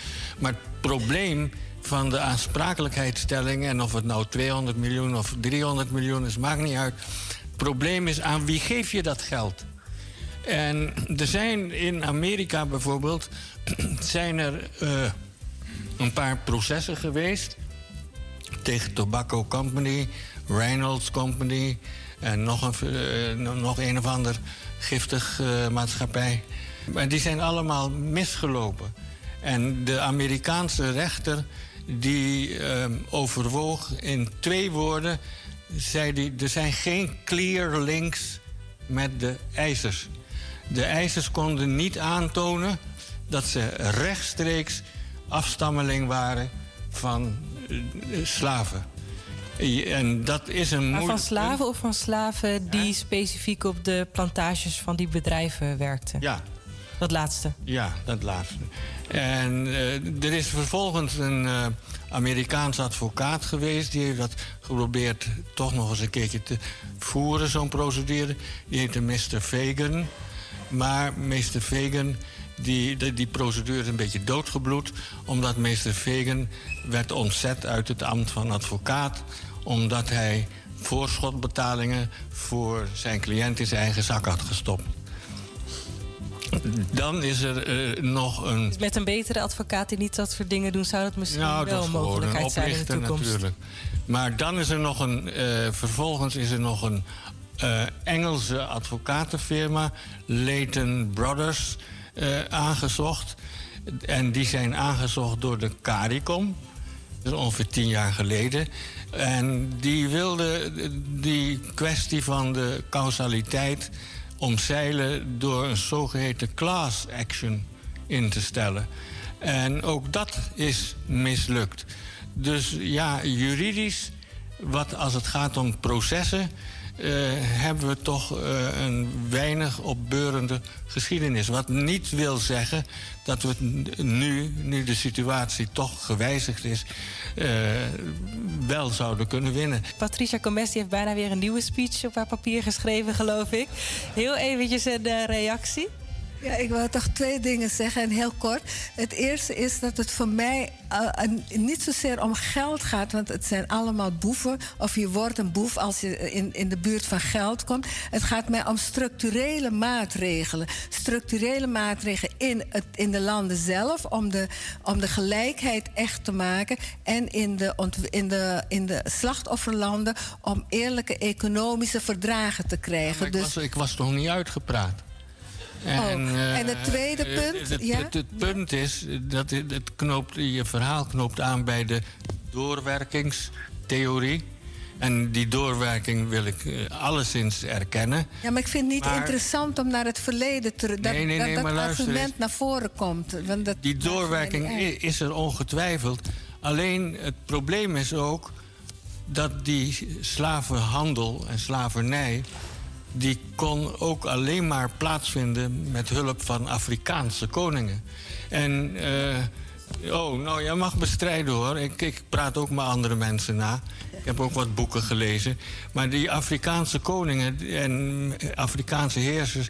die hebben die slaven geleverd aan de Nederlandse, Engelse, Portugese slavenhouders. En toch zie je dus dat de, die eh, Afrikaanse koningen niet betrokken worden in de aansprakelijkheidsstelling. Dat vind ik een beetje merkwaardig. Wat zegt u? We gaan toch heel eventjes snel eh, deze kant op. Wie is het beste om even dit te... Eh, ten eerste, meneer Arne Hout, ik zou u willen adviseren. Wacht eventjes, nee, daar gaan we straks weer verder op in. Want anders wordt het heel ingewikkeld. Want dan gaan we helemaal door elkaar heen.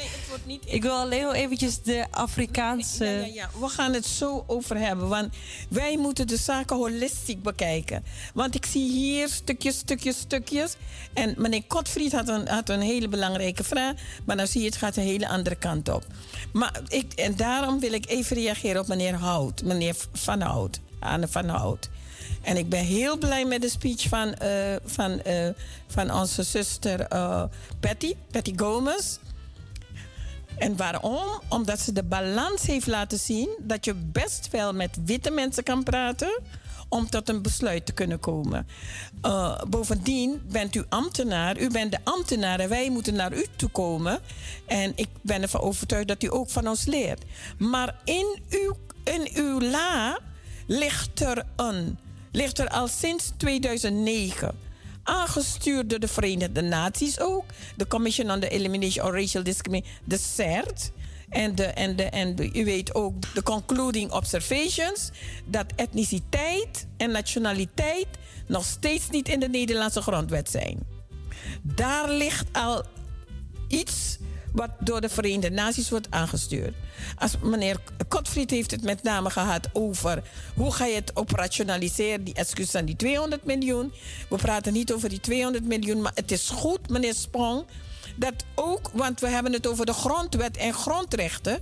Maar zelf meneer Omzicht, die weet dat de VN Nederland heeft aanbevolen.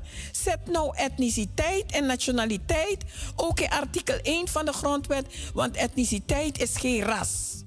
Nederland heeft dat nog niet gedaan, maar ze klagen wel over de artificiële int- intelligentie. Dat die algoritmes die gebruikt zijn in het kader van weet je, die toeslagenaffaire, dat dat juist etniciteit. Zo, als je dat begint te doen, meneer Anne, verzeker ik het u dat u op de goede weg bent. Een andere vraag. Ik denk dat we zo meteen bij de meer oplossingsgericht komen. Dan kwamen we ook weer bij terug bij Godfried. Ik hoef niets meer te zeggen de hele avond. We hebben meneer Spong hard nodig. We hebben meer jurist, juristen nodig. Want waar ze naar kijken zijn de, wet, eh, zijn de internationale wetten die er nu zijn. Maar die wetten zijn niet op onze zaken gemaakt. En daarom zijn er nu internationaal. Ik weet niet of hij Robinson kent van, eh, in het kader van Brettel Report. Als u het Brettel Report niet kent, Ik- dan zal ik zorgen dat u dat krijgt. Oh, Want we zijn nu Morgen? bezig. Wat zegt u? Morgen? U krijgt het morgen. Vanavond krijgt u het. Oh, vanavond al? Maar Ja, vanavond ik, krijg dan lig ik in bed. En, en eh, oké, dan kunt u er morgen naar kijken. Maar in ieder geval verzeker ik het u. Ook de ICG is nu ook aan het kijken naar mogelijkheden die wel deze verjaring. Overigens in de geno's, internationale genocidewet staat heel duidelijk eh, eh, een link met de doorwerking. Want de doorwerking is er nog. Maar mag, mag ik even toch pak hem weer op. reageren Dank u wel, mevrouw Beryl Biekman. Ja, nee, kijk, wat ik wil zeggen is... we moeten ons niet blind staren op die grondwet. Er zijn tal van grondwetten in de hele wereld... die aan de lopende band verkracht worden. En, en, dus eh, je, hebt, je, je, je hebt die grondwet is een fotje papier waar toevallig een paar rechten in staat. En daar moet je niet op blind staren. Want nogmaals, het gaat erom dat je de moraal en de ethische normen die je jezelf stelt... verbod van discriminatie, et cetera, racisme... die moet je kunnen afdwingen bij al dan niet bij een rechter. En zolang je dat kan, heb je die hele grondwet niet nodig. Omdat we al tenminste twee mensenrechtenverdragen hebben. En eh, voor ons is misschien nog wel niet alleen het Europees Verdrag voor de Rechten van de Mens belangrijk, maar ook het Internationaal Verdrag van New York in zaken politieke rechten en burgerrechten. Daar staan eigenlijk al die rechten die u zo graag in die grondwetten hebben. Nou, de meeste staan erin. De belangrijkste en met name staat in dat IVBPR, dat is het laatste verdrag, staat het verbod van discriminatie in. Ik kan u verzekeren dat wanneer we het hebben over discriminatie en racisme, dat men niet weet dat racisme als ideologie, als filosofie, als wetenschap de basis is geweest ja, voor, het, eh, voor het kidnappen van onze voorouders, ze legitimeren. Ja, ja, maar Ja, ik, ik, heb wil eigenlijk heel graag dat bij meneer Kotfried weer aankomen. Dus eh, Ja. geef u het woord. Weet u, ik ben uitgenodigd als eh nazaat. En ik wil toch een korte reis maken met de heer Van Hout. Meneer Van Hout, ik weet niet als je bekend bent met de doltest. De doltest, zoals eh, ze dat hebben uitgevoerd, heeft te maken met jonge zwarte kinderen die zwarte poppen afwijzen. Die laten weten een zwarte pop is lelijk of een zwarte pop is een boef. Zijn kinderen van 4, 5, 6 jaar die al heel gauw op die jonge leeftijd vaststellen dat zwart niet deugt. Dat heeft in mijn beleving te maken met die ontmenselijking. Dan gaan we verder. Ik werk in de Belmer. Ik ben ook woonbegeleider voor Humanitas. Maar ik zit ook bij buurteams. En een van de problemen waar we mee te maken hebben al jaren, is dat jonge zwarte jongens andere zwarte jongens afpersen. Gewoon heel misdadig zijn naar hun soort toe. Een van de dingen die ik me altijd afvraag, hoe komt het dat de politie in de Belmer niet in staat is om dat probleem op te lossen?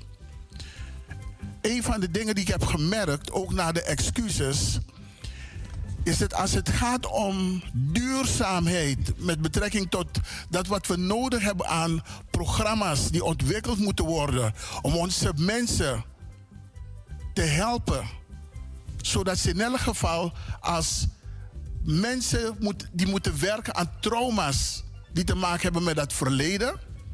Er is in de gesprekken die ik heb gevoerd met de Nederlandse Bank, en met fondsen waar er geld naartoe gaat in verband met deze kwestie, merk ik dat het als het gaat om duurzaamheid, wat is er daadwerkelijk nodig om te werken aan die zwarte gemeenschap, de nazaten, er is daar geen interesse voor. Ik zal u vertellen, er wordt geld gesmeten als het gaat om kunstprojecten. We moeten weer gaan entertainen. Heel veel middelen gaan naar fondsen die te maken hebben met kunst en cultuur. Ik vraag me af, waarom wordt er geen geld vrijgemaakt om daadwerkelijk de black community te helpen om te werken aan instituten? Waarvan een van de dingen die ik heel belangrijk vind hier in Amsterdam, dat is het gaat om vastgoed. Een gebouw waarin we een educatief centrum kunnen opzetten voor de nazaten. Dat het te veel gevraagd is.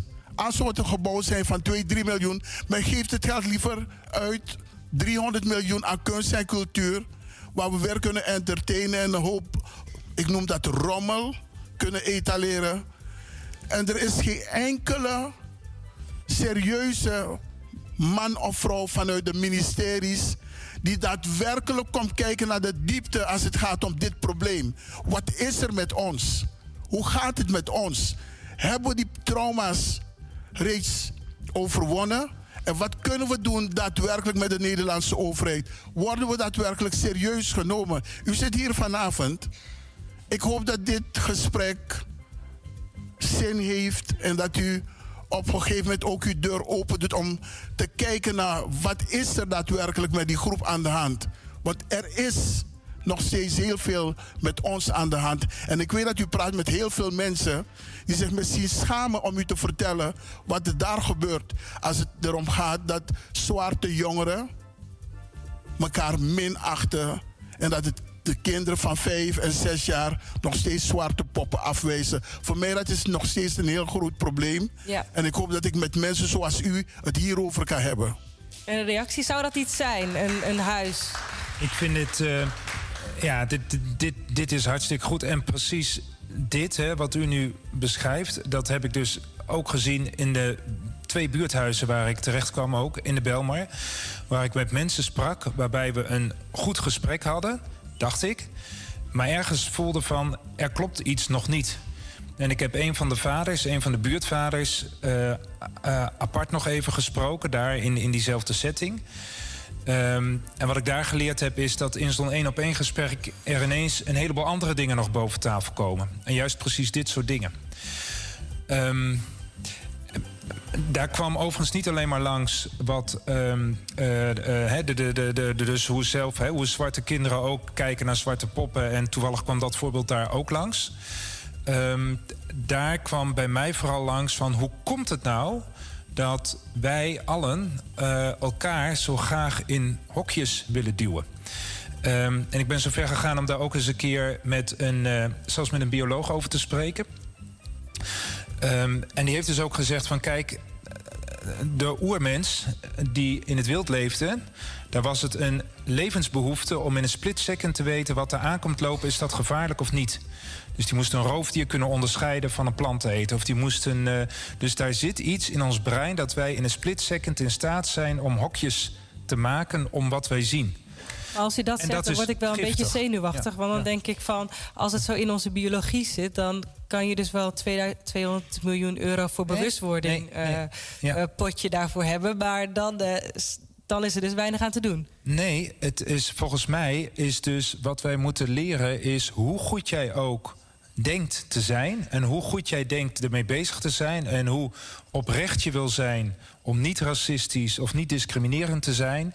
Dan nog moet jij je beseffen dat je altijd hokjes en dingen in je hoofd hebt zitten waarmee je aan de slag moet. En die hokjes die kan je alleen maar bestrijden door de samenleving in te duiken en de moeilijke gesprekken aan te gaan. Ja, ik ben nog eventjes Ja. twee dingen wil ik graag weten voordat ik naar de zaal ga. Namelijk die buurthuizen waar u het over heeft, van een buurthuis opzetten. Is dat niet iets wat mogelijk zou kunnen zijn als er een aanvraag wordt gedaan? Als er een beroep wordt gedaan op zo'n op dat, op dat ja, fonds. Kan ik het eigenlijk een fonds noemen? Ja, het is, het is inderdaad een eh, fonds. Maar ik zou hem wat losser trekken ook van het fonds. Als u ideeën hebt van wat nou echt gaat helpen hier bij ons in de Belmar. En dan hoop ik dat ook te horen van de mensen in Leeuwarden die er zitten. Van de mensen in Vlissingen die er zitten. Als u daar echt concrete ideeën over hebt. Dan wil ik graag aanbieden dat we die ook aanhoren. Ik vermoed dat een groot deel van die ideeën ook al ehm, aan ons verteld zijn. Maar als u het idee hebt van die zijn nog niet goed verteld... of dat zit nog niet in het hoofd van de mensen... dan ga ik er graag het gesprek ook over aan. En dat kan over meer gaan over dan buurthuizen. Dat mag over alles gaan.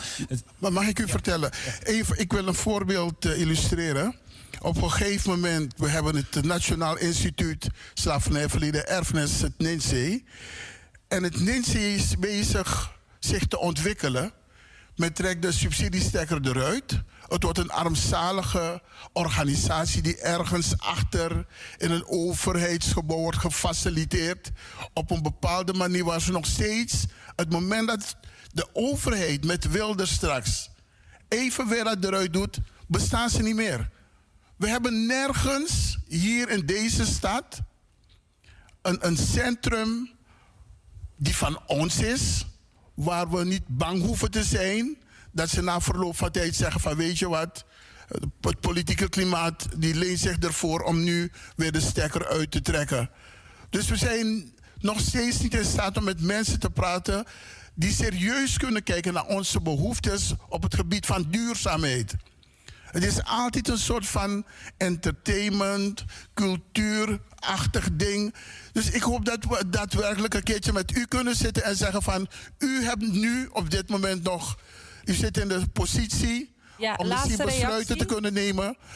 Ja, Laten we met u aan tafel zitten en daadwerkelijk zaken doen als het gaat om de black community. De uitnodiging die staat in ieder geval alvast. Ja, maar het is goed dat die uitnodiging staat. Maar één... di- Maar, Ook naar de zaal. ja. ja, lijkt me ook. Vrees ik, sorry voor. Ja. Volgens mij mag... eh, Nee, ik wil één, één zin zeggen. En dat is... Voor mij zijn dit geen dingetjes.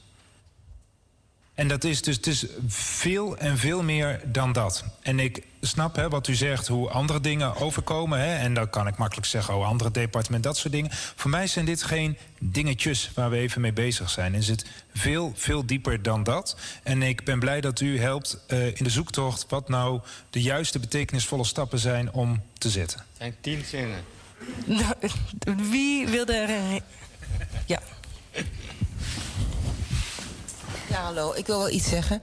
Mijn naam is Marisa Monsanto. Ik ben voorzitter van Theater voor Kitty Kotti.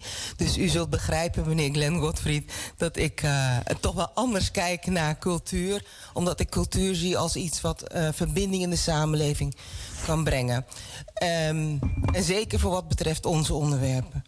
Ik krijg net van een vriendin via de app de mededeling dat op het nieuws is gegaan dat in de peilingen de PVV nu 47, 47 zetels zou doen.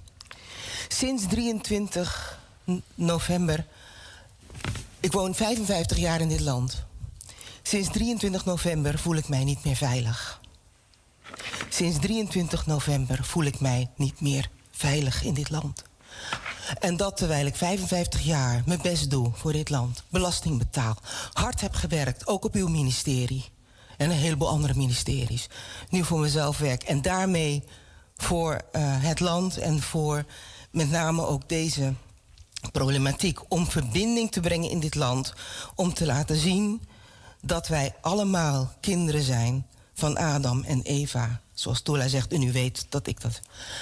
Hoe in Gods naam komen we hieruit? Hoe komen we hieruit? Nieuwe verkiezingen. Erger, dan krijgt de PVV dus 47 zetels. Wat? Ik weet niet hoe we in deze. Ja, ik weet wel hoe we in deze ellende zijn terechtgekomen, maar dan heb ik nog veel langer nodig. Dat zal ik jullie niet aandoen. Maar ik heb daar theorieën over. Alleen, ik weet nu, die theorieën heb ik. Alleen, ik weet niet hoe we eruit gaan komen. En ik denk elke dag. 1933. Ook Hitler kwam democratisch aan de macht.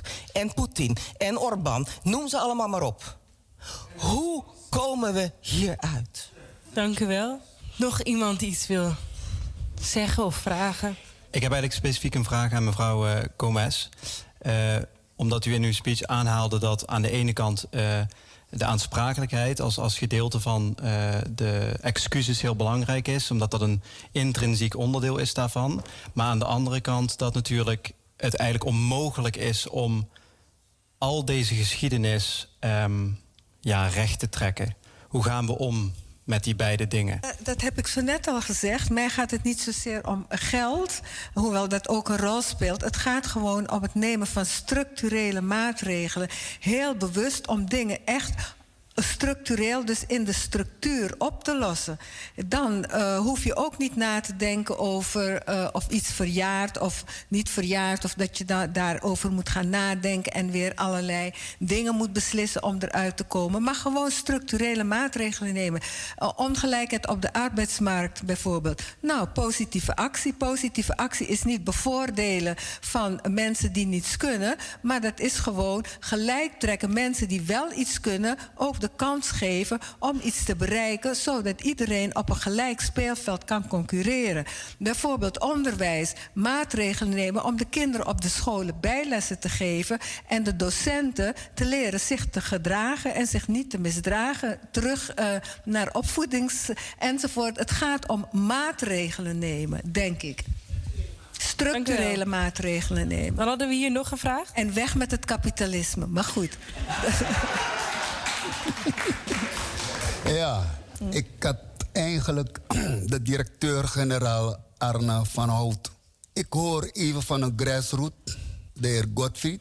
Wat ik van u niet vraag, maar eis als ambtenaar, dat er nu op gelijkwaardige manier de ambtenaar met de burger gaan communiceren, dus aan tafel. En geloof gelijkwaardig zien, want dat is nog het verschil van een ambtenaar met de burger. Jullie zitten namelijk in een systeem. En een systeem zit jullie daar zo vast in, hier, een hele hoofd. Maar het gaat hier om, los daarvan, om als er namelijk de grassroot gevraagd wordt dat jullie op gelijkwaardige manier, want die burger heeft de politiek in Den Haag, u vertegenwoordigt ook, ook het systeem. Dus wilt u daaraan meer gaan luisteren naar die grassroots? En, en ik heb er nog gevraagd naar de meneer de advocaat. Die grondwet, want dat is de grootste hobby. Ja, kunnen wij daar niet u en de juristen even nou, want die middeleeuwse wetten die daar nog geschreven zijn, kunnen we daar nou niet. Want zolang die wetten, die oude wetten, er nog zijn van de grondwet, zitten we met dat, met die zwarte last om vooruit te gaan. Die grondwet kan alleen maar gewezen worden met tweederde meerderheid in de Tweede Kamer. Uh, dat is één. Twee is dat die grondwet, geloof het of niet, die is in de afgelopen 75 jaar 25 keer gewijzigd. Dus het, er zijn wel wijzigingen mogelijk. Wat zou u dan anders willen zien aan de grondwet? Ik had nog een vraagje um, aan uh, de, uh, de heer Van Hout. Uh, als we het toch hebben over wetten. Um, volgens mij is de hoogste wet van ons koninkrijk momenteel het statuut. Um, wat de relaties tussen de verschillende landen in het koninkrijk regelt. dat statuut stamt uit 1954, dus nog uit de koloniale periode. En biedt ook heel veel ruimte uh, voor Nederland om um, ja, die machtspositie die het op dit moment heeft binnen het Koninkrijk eigenlijk uit te buiten. Um, dat zie je op verschillende terreinen terug als het gaat bijvoorbeeld om het beschermen van mensenrechten uh, op de eilanden, op Aruba, op Curaçao. Um, als je het hebt over gezondheidszorg die uh, wel of niet wordt geboden. Um, uiteindelijk is het allemaal een koninkrijksaangelegenheid om die uh, rechten te waarborgen. Uh, maar zoals het nu in elkaar steekt, is het heel makkelijk voor Nederland om zijn handen daarvan af te trekken. Dat, dat statuut is dus ja, nogal oud en ook verouderd. En biedt ook heel veel mogelijkheden voor Nederland om die positie, die machtpositie uit te buiten. En ik vraag me af hoe, die, hoe, u erop kijkt uh, in het licht van uh, ja, na de komma, uh, hoe in de toekomst dat structuur. Zou dat misschien een mogelijkheid, zou daar een mogelijkheid zijn voor herstel? Ik zelf denk dat uh, aanpassingen grondwet, aanpassingen statuut dusdanige grootse, of, uh, grootse procedures zijn. Dat ik daar voor mezelf niet de eerste nadruk op leg. Waar ik de nadruk uh, op zou willen leggen is zo snel mogelijk en zo robuust mogelijk. En robuust bedoel ik dus dat het onvermijdelijk is, dus dat het ook doorgaat. Uh, we maatregelen gaan nemen die echt wat doen. En als het specifiek gaat over de, um, over de, uh, de BES-eilanden bijvoorbeeld, hè, dan denk ik aan de versterking van de antidiscriminatievoorzieningen of bijvoorbeeld het minimumloon, wat er eindelijk nu ook echt opgehoogd wordt naar de commissie Todé, die daar een onderzoek heeft gedaan. Dus dat we ook echt kijken van wat is die gelijkheid nou ook binnen het koninkrijk om gewoon concrete stappen te zetten. We hebben hier ook nog een vraag of opmerking. Um, voor, de, voor de ambtenaar, ik ben even zijn naam. Directeur-generaal Arne van Hout, BZK. Ik zou toch even een kritische reflectie willen hebben op uw eigen positie. Hè? U, heeft, u, u, noemt een paar keer, kom naar mij toe, kom naar mij toe. Maar volgens mij bent u ambtenaar. Dus ik vraag me af, in hoeverre heeft u niet een, uh, een politieke opdracht nodig... voor een uitvoering van uw taak? En ten tweede, um, u heeft gesolliciteerd op deze functie. En ik ben eigenlijk wel benieuwd, de sollicitatie, u kennelijk heeft u die positie gekregen. Waarom heeft u gesolliciteerd? Hoe heeft u zich voorbereid? En wat was uw ambitie? Mooie vraag. Um, eerst even kom naar me toe. Dat is niet, het, uh, dat is niet wat ik heb willen zeggen. Niet van uh, deur staat open, kom maar naar uh, Den Haag toe. De Turfmarkt heet de toren waar dat gebouw staat waar we in zitten. Volgens mij is het ook onze taak om naar u toe te komen en het gesprek ook met u aan te gaan. Dan waarom hebt u gesolliciteerd op, of waarom heb je dan gesolliciteerd op deze functie? Um, het, het, hij klinkt flauw, maar. Um, kijk, ik heb niet voor niets heb ik voor de overheid gekozen. En ik heb gekozen voor de overheid om betekenisvolle stappen te kunnen zetten. En de portefeuille die ik nu heb, daar zitten een heleboel onderwerpen in. En het, uh, het Nederlandse slavernijverleden is daar wel een, in die zin een hele bijzondere voor mij. Want als je het hebt over betekenisvolle stappen, is dit wel het thema waarop dat kan. Ik heb ook één ding geleerd. En dat is, uh, daar waar ik op andere onderwerpen, samenwerking met andere overheden, et cetera. ik kom uit gemeenteland, best wel wat wist van, oh ja, dit zijn goede, betekenisvolle stappen. Weet ik het niet altijd op dit dossier. Sterker nog, weet ik het heel vaak ook niet. En er ligt ontzettend veel informatie, maar zie die informatie maar eens op een goede manier te destilleren. Dus ik heb nodig dat ik deze gesprekken aanga. En ik hou ervan om deze gesprekken aan te gaan, om de samenleving in te duiken, om dat ook met u te doen. En juist ook die betekenisvolle stappen te zetten. Ik kan dat niet alleen en ik wil ook niet hier zo even zeggen: ik ga dit of dit of dit doen, of ik ga deze verandering be, uh, uh, uh, maken. ik vind het aanmatigend als ik dat zo even bedenk. Want ik kan dat niet zo even bedenken. Zijn er wel stappen die, die, die u wil gaan nemen, waar u naar uitkijkt, waarvan u denkt: van volgens mij is dat een goede richting? Nou, wat, wat ik echt zou willen is dat wij concrete doelen gaan stellen als land. Waarin we dus ook het uh, racisme en discriminatie gaan meten. De sociale positie van mensen ook gaan meten. Dat we ook nu met elkaar zeggen: dit zijn maatregelen waarvan wij denken dat die ertoe doen en dat die gaan helpen. En dat we elkaar ook over een tijdje ook kunnen gaan uh, houden aan van. En wat heeft het nou gebracht? Leuk wat bedoelt als... u dan met het meten van uh, racisme? Ik heb u deelgenoot gemaakt van de discussie die heeft plaatsgevonden in de Bali, beste mensen. Um, 95% heb ik uitgezonden. Vanwege de tijd kan ik die paar minuten die er nog over zijn niet uitzenden, maar de context is duidelijk. De overheid die zit eigenlijk op een algemeen beleid. En uh, komende periode wordt er weer met de overheid gesproken over die komma van Rutte. En er zijn een paar mensen voor uitgenodigd om aanwezig te zijn, om daarover te praten. Motako Grantangi, onze, tijd, onze tijd zit erop. En uh, wij zijn er woensdag weer hier bij Radio De Leon.